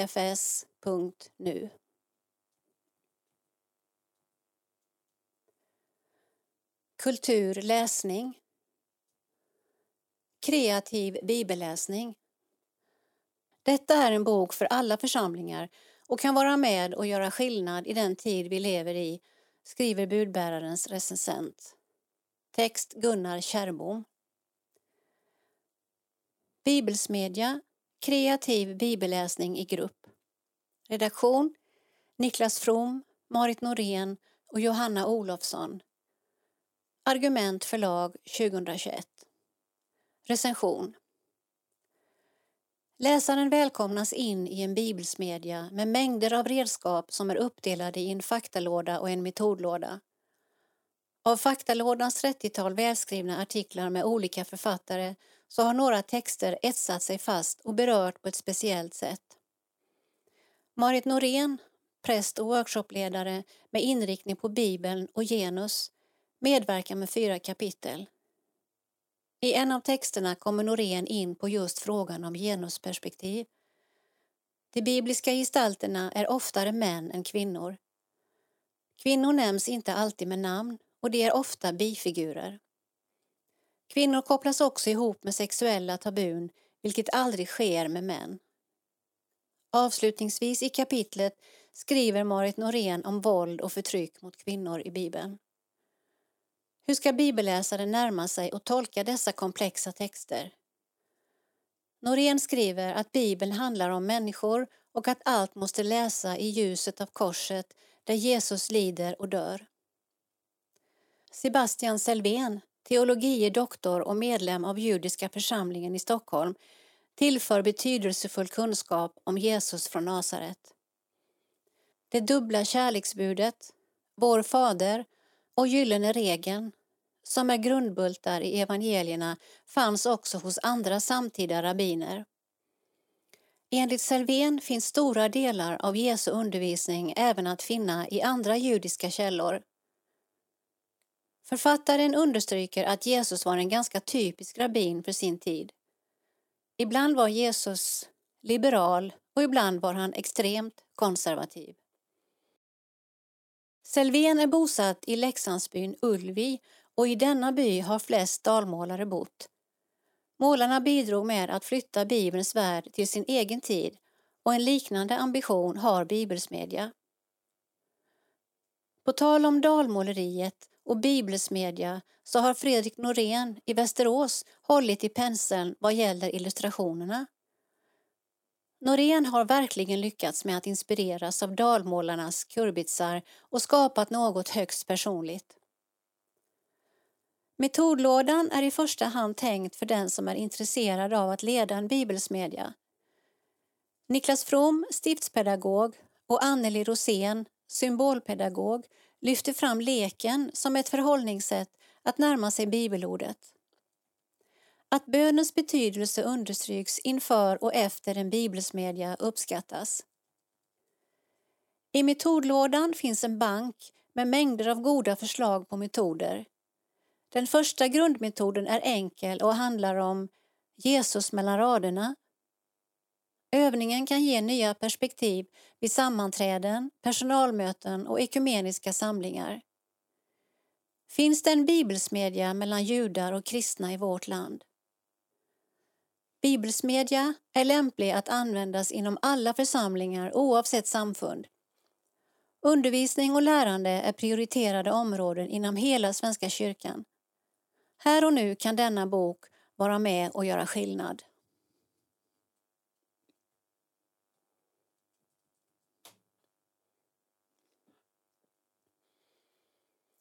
Allt det goda vi har i Kristus. Karl-Erik Salberg, Semnos förlag 2020. Recension. Karl-Erik Salbergs liv har berört många människor och det gör nu också hans andaktsbok Allt det goda vi har i Kristus med 365 kapitel. Salberg har tidigare arbetat som präst och direktor i Sankta Clara kyrka och bor nu i Tanzania. Bokens andakt börjar med en bibelvers följt av en betraktelse och avslutas med en bön eller en tanke. Detta är andra upplagan med hundra nya eller omskrivna andakter. Texterna är personliga och har en undervisande underton. Jag tycker mig förnimma en längtan av att försvara tron. Står man inte i samma teologiska fåra så kan man nog hicka till här och där. Karl-Erik har fått erfara mycket under sitt liv och det märks. Han för vidare det han själv upplevt och lärt sig i församlingstjänst, mission och diakoni. Man får glimtar ur möten med vänner och deras dialoger. Vi får även läsa om Karl-Eriks barn och ungdom och hans gudsmöten genom livet. Att Gud är levande och verksam finns det inga frågetecken om. Det är stärkande läsning. Jag tycker om den tematiska uppdelningen så att man under en period läser om exempelvis den heliga Ande eller Via Dolorosa. Det är matnyttigt, uppmuntrande och ger mig en liten knuff i rätt riktning vilket så ofta behövs på morgnarna när jag läser ur andaktsboken. Parentes, den går givetvis att läsa på kvällen eller när helst behagas. Slutparentes. Jag själv har använt andaktsboken med glädje, så även min mor som ringer min 94-åriga mormor varje dag och läser upp dagens text för henne. Med spänning följer de båda Karl-Eriks liv som har vigts till att hjälpa dessa mina minsta. Boken har en vardaglig vinkel och passar alla generationer. Det är spännande att få en glimt in i en så rik erfarenhet av Gud och allt det han kan göra för oss. Den väcker sannerligen hunger efter mer, mer av Gud och hans kraft. Det är gott att starta morgonen med lite undervisning och andakt. Karl-Erik skriver i förordet Boken har ett särskilt ärende till människor som behöver hopp, uppmuntran och tro.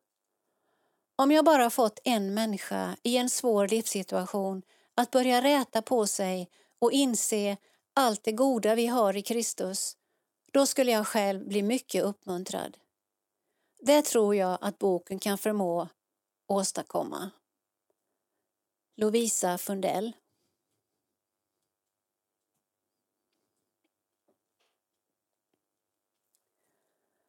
Föröka och förvalta din gudagivna potential. John Bever, Livets Ords förlag 2020.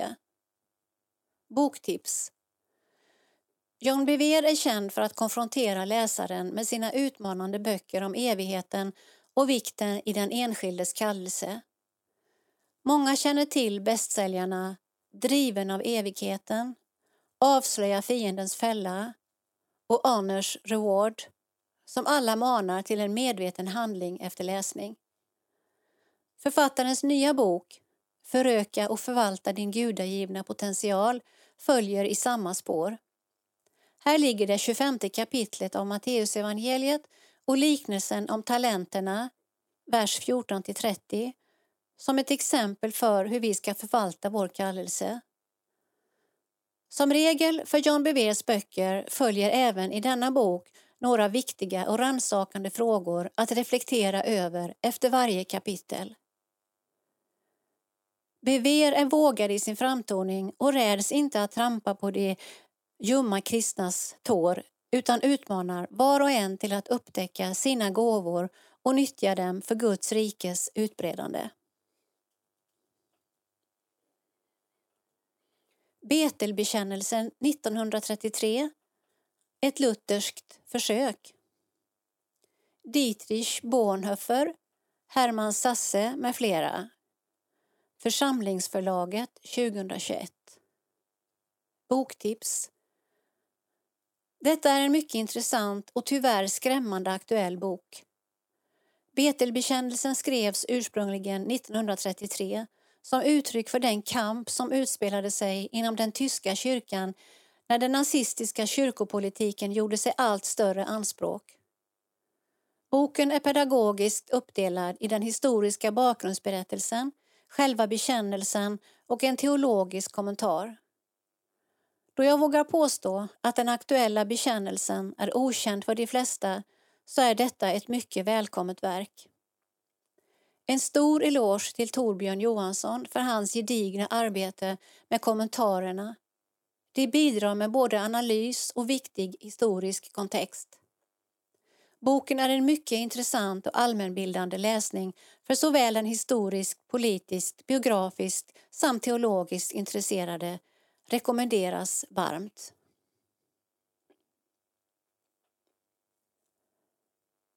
Nytt, läsvärt och inspirerande. Medeltida pigment färgen i de gamla kyrkomålningarna.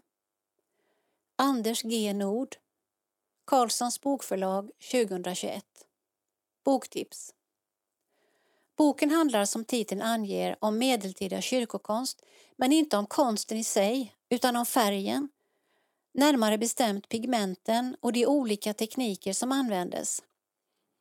Den måste nog definieras som en bok av nördar för andra nördar, men ack så intressant. Man fascineras av den fördjupning och förståelse av allt från det medeltida livet, de aktuella byggnaderna, de delvis okända konstnärerna till de då aktuella konstnärliga preferenserna som analysen av de använda färgerna och pigmenten ger vid handen. En förvånansvärt lättläst, allmänbildande och inte minst rikt illustrerad bok. Rekommenderas. Sida 53. Kultur. Viral serie, aktuell med andra säsongen. The Chosen. 2017 till pågående. Skapare Dallas Jenkins. Serietips. Efter första säsongens braksuccé har den amerikanska dramaserien The Chosen nu fått en efterlängtad andra säsong. Serien The Chosen, vars andra säsong hade premiär i början av 2021 är skapad, regisserad och skriven av den amerikanska filmskaparen Dallas Jenkins och porträtterar Jesus ur hans följeslagares ögon. I säsong 1 får tittaren en intim inblick i när Jesus väljer sina lärjungar och i säsong 2 tjänar han folkmassorna. Det började som ett församlingsprojekt i Elgin, Illinois och utvecklades till ett viralt fenomen. Kritikerrosade The Chosen är den första flersäsongsserien om Kristi liv. Och säsong 1 var även den mest framgångsrika folkfinansierade tv-serien genom tiderna. Idag når serien världens alla hörn genom flera olika streamingtjänster och appen The Chosen. Målet är att serien ska finnas tillgänglig på världens alla språk. Nämnas bör att serien har fått en del kritik för att filmskaparen har adderat detaljer kring apostlarna som man får följa i serien, utan att de egentligen är bibliskt förankrade. Tullindrivaren Matteus framställs exempelvis som en autistisk man med svårigheter i sociala samspel. Tittarna uppmuntras dock att läsa evangelierna. I skrivande stund pågår en crowdfunding för att finansiera en tredje säsong.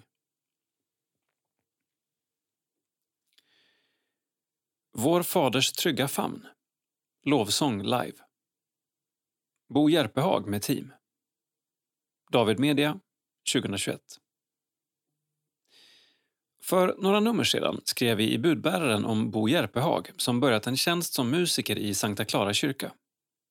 Bo är en legendar inom lovsångsgenren med många skivor bakom sig. Och den senaste, nu från David Media, lämnar ingen besviken. Skivan är framförallt lättlyssnad och präglas av hans omisskännliga sound. Alla sånger utom två är skrivna av Bo själv och många av dem har potential att sjungas under lång tid framöver. Dessutom finns klassikern Hela vägen går han med mig med och framförallt den svenska översättningen av Bethels Goodness of God, Din godhet.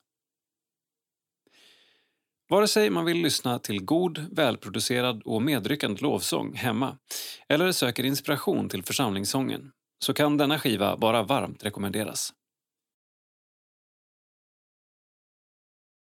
Sida 55. Kultur. Psalm. 702. Jag vill ge dig, o Herre, min lovsång. Jag vill ge dig, o Herre, min lovsång. Jag vill tacka med skönaste ord. För din kärlek och nåd som är gränslös. Jag vill tacka för allt gott du gjort. Jag vill göra mitt liv till en lovsång till dig, där var ton skall en hyllning till dig bära. Och i dagar av glädje och dagar av sorg vill jag leva var dag till din ära. Ingen annan är värd att besjungas. Endast du, Herre, äger min sång. Och i himmelens gyllene salar ska jag prisa dig evighet lång. Och om sången någon gång skulle tystna eller störas av oro och strid Herre, öppna på nytt mina ögon så jag ser att hos dig är min frid. Jag vill ge dig, o Herre, min lovsång. Psalm 702 i Svenska psalmboken är en av mina favoritsalmer. En del gamla lovsalmer kan kännas för storslagna för gudstjänster i mindre kyrkor eller bönhus och somliga av de nyare lovsångerna har alltför ensidiga texter. Men psalm 702 är en pärla. Sången skrevs 1978 av Christer Hultgren till den ungdomskör han var ledare för i Karlskrona. Hultgren har i det civila varit IT-chef men hela sitt vuxna liv också körledare och orkesterledare i sin pingstförsamling. Han har skrivit cirka 400 sånger varav två finns både i psalmbokstillägget och flera andra samfunds sångböcker. Den andra är Herre, till dig får jag komma. Den hörde jag första gången på ett ungdomsläger i Skåne under tidigt 70-tal och kände direkt, vilken bra sång. Den spreds snabbt, sånggrupper tog den på sin repertoar och vi sjöng den ofta i ungdomsgrupperna och på läger. Den var också rolig att spela till gitarr med sina spännande ackord. Numera sjungs den kanske oftast vid begravningar. Men vi är många som också tycker mycket om Jag vill ge dig, o Herre, min lovsång. På ett sätt är det kanske lite förvånande, för det är så starka ord att sjunga. Jag vill göra mitt liv till en lovsång till dig och leva var dag till din ära. Men sången talar ju inte om hur bra jag lyckas med det, utan om vad jag innerst inne önskar och vill. Så vi sjunger den gärna. Vad är det som gör att en sång blir omtyckt? I en intervju i Per Harlings bok Våra älskade salmer säger Christer Hultgren att han själv inte vet. Jag tycker att jag har skrivit andra sånger som rent konstnärligt är bättre. Men något speciellt är det med psalm 702, det är han klar över. Själv tänker jag att den med enkla ord lyckas uttrycka tacksamheten och glädjen över Guds nåd och öppna famn. Den har också en lysande melodi som stämmer så bra med texten. Efter varje vers får vi brista ut i refrängens jubelton som verkligen lyfter vår lovsång till Gud. Torbjörn Arvidsson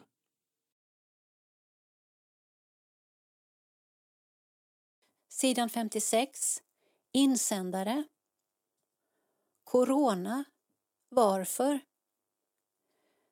I Gamla testamentet kan man till exempel läsa om hur gräshoppsvärmar åt upp grödor för människor och att det skulle vara ett straff för att folk vände sig bort ifrån Gud. Idag har vi genom åren varit med om hemsökelser som drabbar oss hårt också. Spanska sjukan tog många liv. Olika svåra sjukdomar har härjat bland folk och nu har vi covid-19 som är vår tids farsot och som sprider oro och innebär att livet känns tungt. Ekonomin drabbas, många blir sjuka, deprimerade och känner hur framtidstron får sig en knuff. Varför kommer de här epidemierna med ojämna mellanrum? Många verksamheter stängs och vi måste isolera oss för att inte sprida smittan vidare. En tung tid. Vi kan inte träffas i de gemenskaper vi brukar. Vi som brukar gå i kyrkan funderar på orsakerna till dessa epidemier. Kan det verkligen vara så att det här är något vi måste genomlida för att vi låter onda makter få styra vår tillvaro? Har vi glömt något viktigt? Kan det här vara en påminnelse för oss för vad som är gott i livet och som vi vänt oss ifrån? Har vi vänt Gud ryggen och släppt fram onda makter istället? Vi ställer frågan till prästen i kyrkan. Finns det belägg för tankarna att bortvändhet från Gud kan innebära att onda makter får tillträde i våra liv istället? Hur bör vi möta folks tankegångar? Ska vi säga att så här går det när man överger Gud? Ska vi på det viset föda dåligt samvete hos folk? Varna och trycka ner? Eller erbjuda något gott? Visa på erbjudandet som vi får om ett gott liv där hoppet är en dominerande tanke för oss människor, en vid makt som hjälper oss att leva bra tillsammans, att inte bara hitta fel på andra utan se till människors goda egenskaper i första hand. Visa på det goda evangeliet som Jesus genom sin vandring på jorden gav oss. Han vet ju hur det är att vara människa med alla dess frestelser och besvär. Kan vi kanske hjälpa till att föda hopp om en bättre värld genom att peka på Jesu exempel på hur han till och med gav sitt liv för oss? Ja, många frågor som väl ingen människa kan svara entydigt på, men visst kan man fundera. Gode Gud, hjälp. Ove Wikdahl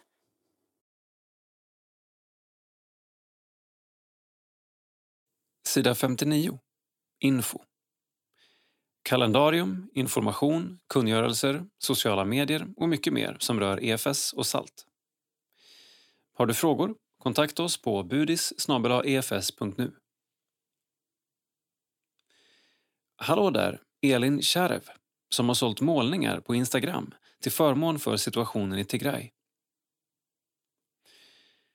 Varför var detta initiativ viktigt för dig? När insamlingen Afrika svälter drog igång för ett par år sedan gjorde jag handskrivna kort som folk fick köpa. Nu vill jag göra något liknande för situationen i Tigray. Jag hade ganska många bilder som jag har målat under det senaste året men som bara har legat. Jag ville se till att det kom in mer pengar än vad jag själv kunde ge. Initiativet engagerade många på kort tid. Varför tror du det? Folk går inte på missionsaktioner och liknande på samma sätt längre. Så initiativet var en påminnelse om att fortsätta ge. De som känner mig vet att jag är engagerad i Etiopien och att jag har bott där. Jag upplever att det finns ett förtroende för mig. Hur mycket pengar kom in? 26 personer lyckades tillsammans ge cirka 11 525 kronor på en helg.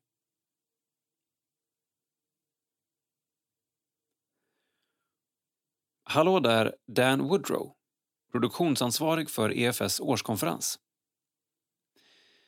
Konferensen var för första gången någonsin helt digital. Hur var det? Världen behöver komma ut från kyrkans fyra väggar och veta att den helige ande inte är begränsad till byggnader. Med medias kraft kan människor sättas fria, bli helade och förvandlade av Jesus. Vad såg du för utmaningar inför konferensen? Att hedra visionen som Magnus Widholm och styrelsen hade, vilket var en uppbyggelsekonferens tänkt att firas på plats i Kalmar och omvandla det till en digital upplevelse och skapa ett engagemang bland medlemmarna. Vad hoppas du att konferensen ska leda till? Vi ville sträcka oss med uppmuntran, hopp, upplyftande predikningar och information om mission. Först till EFS, men också till Sverige. I tider av oro står vi fast vid att Jesus är vårt hopp och att det är just det som vi förmedlade. EFS ökar nödhjälpen. Insamling pågår till Padhar sjukhus och snart även till Myanmar. Förutom situationen i Tigray i Etiopien omfattar EFS nödhjälpsinsamling nu även Padhar sjukhus i Indien. Smittspridningen av covid-19 har eskalerat okontrollerbart i Indien den senaste månaden. Se sidan 5. EFS stödjer bland annat Padhar sjukhus i Indien och när det pågår kris i de länder där vi har kontakter har vi också ett ansvar att bidra med hjälp, säger EFS insamlings och kommunikationschef Johan Eriksson. Utifrån EFS kontakter i Myanmar kommer det också snart att bedrivas en insats i den akuta situation som har drabbat det hårt militärstyrda landet. Sedan militären tog makten i februari har våldet eskalerat, människor tillfångatas slumpmässigt och rädslan bland civilbefolkningen har ökat. Så snart det är möjligt att göra banköverföringar har vi en kanal att kunna bistå humanitärt i den akuta situationen. Detta tack vare de kontakter vi fick när SALT hade praktikanter i Myanmar. Vi följer utvecklingen noga, säger Eriksson. Var med och rädda liv. Swisha din gåva till 900 9903 eller via bankgiro 900 9903. Skriv nöd 2021 i meddelandet. Insamling till mission. EFS första digitala konferens om internationell mission överträffade förväntningarna. Konferensen innehöll givande webbinarium, uppmuntrande vittnesbörd och en upplyftande insamlingsgala med musik från hela världen. Konferensens insamling har hittills samlat in hela 412 018 kronor. 29 april. Vi är så glada och tacksamma över alla som gett. Gåvorna kommer hjälpa många där EFS stödjer humanitära insatser, ge utbildning till barn och ungdomar samt stärka församlingsarbete i våra systerkyrkor, säger Sofia Svensson, inspiratör för internationell mission på EFS. Gåvoresultat april. EFS. Insamlat 2,5 miljoner kronor. Budget 2,1 miljoner kronor. Det preliminära insamlingsresultatet för april är cirka 380 000 kronor över budget. Stort tack för troget givande. Låt oss fortsätta ge för att människor och samhällen ska bli förvandlade av Jesus. Insamlat 8,8 miljoner kronor. Mål 2021 30,3 miljoner kronor. Salt.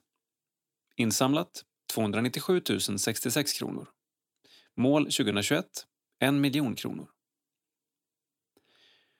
Efter insamlingsresultatet för april har vi nått endast halva vårt insamlingsmål för samma period. Nu när sommarmånaderna nalkas hoppas vi att många minns hur viktigt det är att fortsätta att ge till salt. Allt för att barn och unga ska få lära känna Jesus Kristus.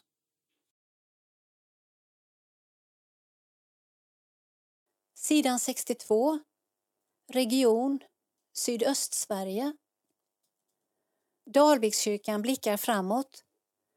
Nu är det klart hur kyrkan kommer se ut inuti efter den brand som inträffade natten till 1 augusti 2020. Text och bild Charlie Kramer.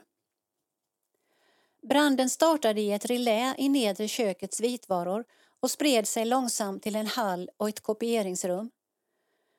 Även om branden inte hann eldhärja så många rum hann den pyra länge och bilda en rök full av smält plast. Röken och värmen spred sig i hela kyrkan och har förstört alla ytskikt och trängt in i väggar och tak. Direkt följde månader med inventering av allt som fanns i kyrkan och samtal med försäkringsbolag. Den ekonomiska ersättning som föreningen fick ut för lösöret var försäkringens maxbelopp men då är allt beräknat på det begagnade värdet sakerna hade. Så för att köpa det mesta nytt, som vi ändå kommer behöva göra, får vi nog lägga till en miljon kronor, säger Lars Wallström, en av två samordnare i föreningens brandprojektgrupp. Detsamma gäller ersättning för byggnaden. Allt som inte är bärande väggar behöver byggas upp igen. El, väggar, tak och ventilation och den största delen får föreningen stå för själva. De vet ännu inte vad slutsumman kommer landa på men det handlar om flera miljoner. Det positiva är att vi kommer att få en helt ny kyrka i stort sett, säger Lars. I februari började äntligen ett företag att riva ut allt som fanns kvar. Kyrkan har nu bara ett skal med några få balkar i taket. Det svåraste hittills är att vi inte förstod vilket stort åtagande missionsföreningen behövde ta. Att vi skulle behöva vara så inblandade i så mycket beslut och bestämma så mycket. Nu är vi i fasen återuppbyggnaden där vi tillsammans med försäkringsbolaget ska välja ut vilket företag som ska få bygga upp allt igen. Vilken kyrkobyggnad vill man komma tillbaka till? Föreningen har tagit hjälp av en inredningsarkitekt och fått chansen att tänka igenom alla rum som finns och varför man har dem. Allt tar tid och första förhoppningen var att kunna fira första advent 2021 i de nyrenoverade lokalerna men det är inte längre ett rimligt mål utan nu är siktet snarare inställt på våren, påsken 2022. Den som besöker Darvidskyrkan då kommer känna igen sig men största förändringen blir på nedre plan där köket och ett av de större rummen kommer ha en öppen planlösning. Kyrksalen och lilla salen bredvid kommer med hjälp av väggar av glas kännas mer som ett. Det gör att barnfamiljer kan se in i kyrksalen men ändå låta barnen röra sig och leka. Mest av allt ser Lars fram emot återinvigningen. Även om den känns avlägsen så är det en fest att se fram emot. Jag tror att jag kommer känna mig lycklig. Han berättar att han tänkt lite på hur Israels folk kände när de vandrade till templet. Det kommer vara en stor glädje för alla att få gå till Herrens hus. Dalvikskyrkan fyllde 50 år i februari 2019 och då såg man mycket bakåt. Nu tänker man snarare på vad vill vi vara för kyrka 50 år framåt? Hanna Hannus, en av föreningens medlemmar, delar vad hon ser fram emot när kyrkan är färdigrenoverad. Jag längtar verkligen efter att få gå på gudstjänst i Dalvikskyrkan, min kyrka. Det blir härligt att fira gudstjänst i vår kyrksal och att se barnen springa ut tillsammans och ner till sin söndagsskola, säger hon.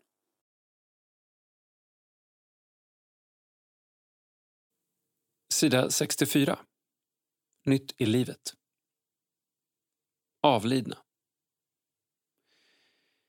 Min älskade man.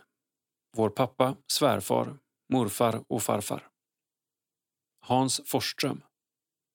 Född 2 april 1956. Har fått flytta hem till vårt himmelska hem. Älskad, sörjd och saknad. Dyrön. 26 mars 2021.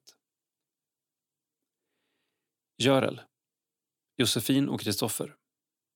Elias, Agnes, Edvin, Emanuel. Hanna och Samuel. Titus, Matteo, Levi. Tobias och Josefin. Nils, Jonathan, Hjalmar. Mikael och Maja. Alice. Charlotta och Johannes. Släkt och vänner. Jag tror på en Gud som bor inom mig och som bor i allt utanför. En skrattande Gud som vill skratta med mig, som lever med mig när jag dör. Psalm 766, vers 3 i Svenska psalmboken. Begravningsgudstjänsten har ägt rum. Ni som vill hedra minnet av Hans, tänk gärna på EFS, Alfa Sverige, Bolungwa Children's Home. Vår älskade Gunnar Torell, född 29 augusti 1924, har lämnat oss i sorg och saknad. Dalsjöfors 9 april 2021. Jan-Åke och Britt. Jenny och Mike. Johan och Jessica. Hans och Ingela. Frida och Ola. Jonas och Eva. Emma och Joni. Angerd och Arne. Amelie. Amanda och Christian. Axel och Sara. 18 barnbarnsbarn. Släkt och vänner. Gud märker när stegen är tunga och trötta det älskades drag. Han märker när krafterna sviker och hjärtat slår mattade slag. Då öppnar han kärleksfullt famnen och låter dem somna i frid. Begravningen har ägt rum. Hedra gärna Gunnars minne med en gåva till EFS mission via EFS i Esperedsbygden. Bankgiro 5933-7501. Märk Gunnar. Till minne. Emanuel Pancho. Biskop Emanuel Pancho, som avled den 23 april vid Padhar sjukhus i sviterna av covid-19, var kyrkans biskop i 14 år. Han tjänstgjorde på den post där EFS genom historien ende biskop, Rubin Israelsson, tjänstgjorde 1969 till 80. Biskop Pancho vigdes till sin tjänst den 20 februari 2007 i Chindwara, Madhya Pradesh. Trots stora svårigheter tjänade han hängivet sin kyrka och under hans år ökade såväl antalet medlemmar som församlingar kraftigt. Han vigde också ett stort antal präster till tjänst, däribland några kvinnor, de första i ELC i Madhya Pradesh. Genom åren blev biskop Pancho en nära vän. Jag kommer sakna hans varma vänskap. Biskop Emanuel Pancho efterlämnar en son med familj. Hans herre sa Bra, du är en god och trogen tjänare. Du har varit trogen i det lilla, jag ska anförtro dig mycket. Gå in till glädjen hos din herre. Matteus 25 och 21. Vila i frid till uppståndelsens morgon. Erik Johansson, internationell missionssekreterare, EFS. Sidan 65. Krönika Salt. Kikärtsgryta och den bästa som finns. Låt oss vara personer som påminner varandra om den bästa som finns, skriver Rebecka Stighem. Vi äter en enkel men god kikärtsgryta. Det är jag, min man och en kompis vid middagsbordet den här kvällen. Snacket har rymt allt ifrån ny teknik till roliga citat i klassiska Youtube-klipp. Snacket har rymt allt ifrån ny teknik till roliga citat i klassiska Youtube-klipp. Efter ett tag kommer vi in på ämnet bibelskola, något som det visar sig att vi alla tre har gått på på olika platser. Vi tänker tillbaka på hur mycket den tiden betydde för oss var och en. Samtalet fortsätter kretsa runt tron och i slutet av måltiden säger vår vän Åh, vad skönt det var att prata om sånt här. Känner du igen känslan? Jag gör det definitivt. Det finns en viss lycka i att bli påmind om det som betyder mest för mig i hela världen.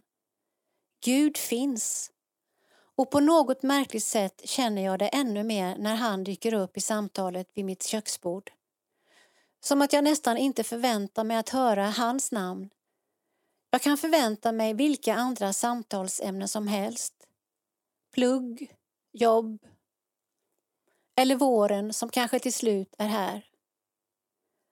Många av oss diskuterar gärna kyrkan men där över kikärtsgrytan blev jag påmind om att inget av de där ämnena riktigt kan jämföras med detta Gud i våra liv. Gud här och nu. Guds godhet i historien och Guds hopp för vår morgondag. Låt mig få höra om Gud. Så hur kan detta se ut i praktiken? Jag har bara två tips, så förhoppningsvis kan vi hjälpas åt att komma på fler. Men mitt första tips är Testa att säga ordet Gud i situationer när du kan säga helt normala fraser som hoppas det går bra. Prova att fylla dina ord med mer substans. Jag ber att det ska gå bra. Kanske kan man byta Åh, vilken tur mot Tack gode Gud eller Ha det gött mot Ha det gött och Gud välsigne dig. Låter det ultrakristet? Jag vet, visst är det härligt? Men det finns en annan sak som har varit otroligt viktig för mig. Det är personer som inspirerar mig att tro. Kompisar eller förebilder där jag märker att Jesus är på riktigt för dem. Och det här vill jag säga särskilt till dig som är isolerad eller bara kan träffa din närmaste familj just nu. Känner du någon som delar din tro? Håll kontakten. Var finns kristna mötesplatser, onlineläger eller ungdomsgrupper? Var med. Jag vet att kristna vänner inte växer på träd, men de finns och vi behöver värdera dem högt. Så låt oss hjälpa varandra. Låt oss vara personer som påminner varandra om den bästa som finns. Låt mig få höra om Jesus Skriv i mitt hjärta vart ord, sjung för mig sången så dyrbar, skönaste sång på vår jord. Rebecka Stighem, generalsekreterare, SALT. Tack för att du har lyssnat.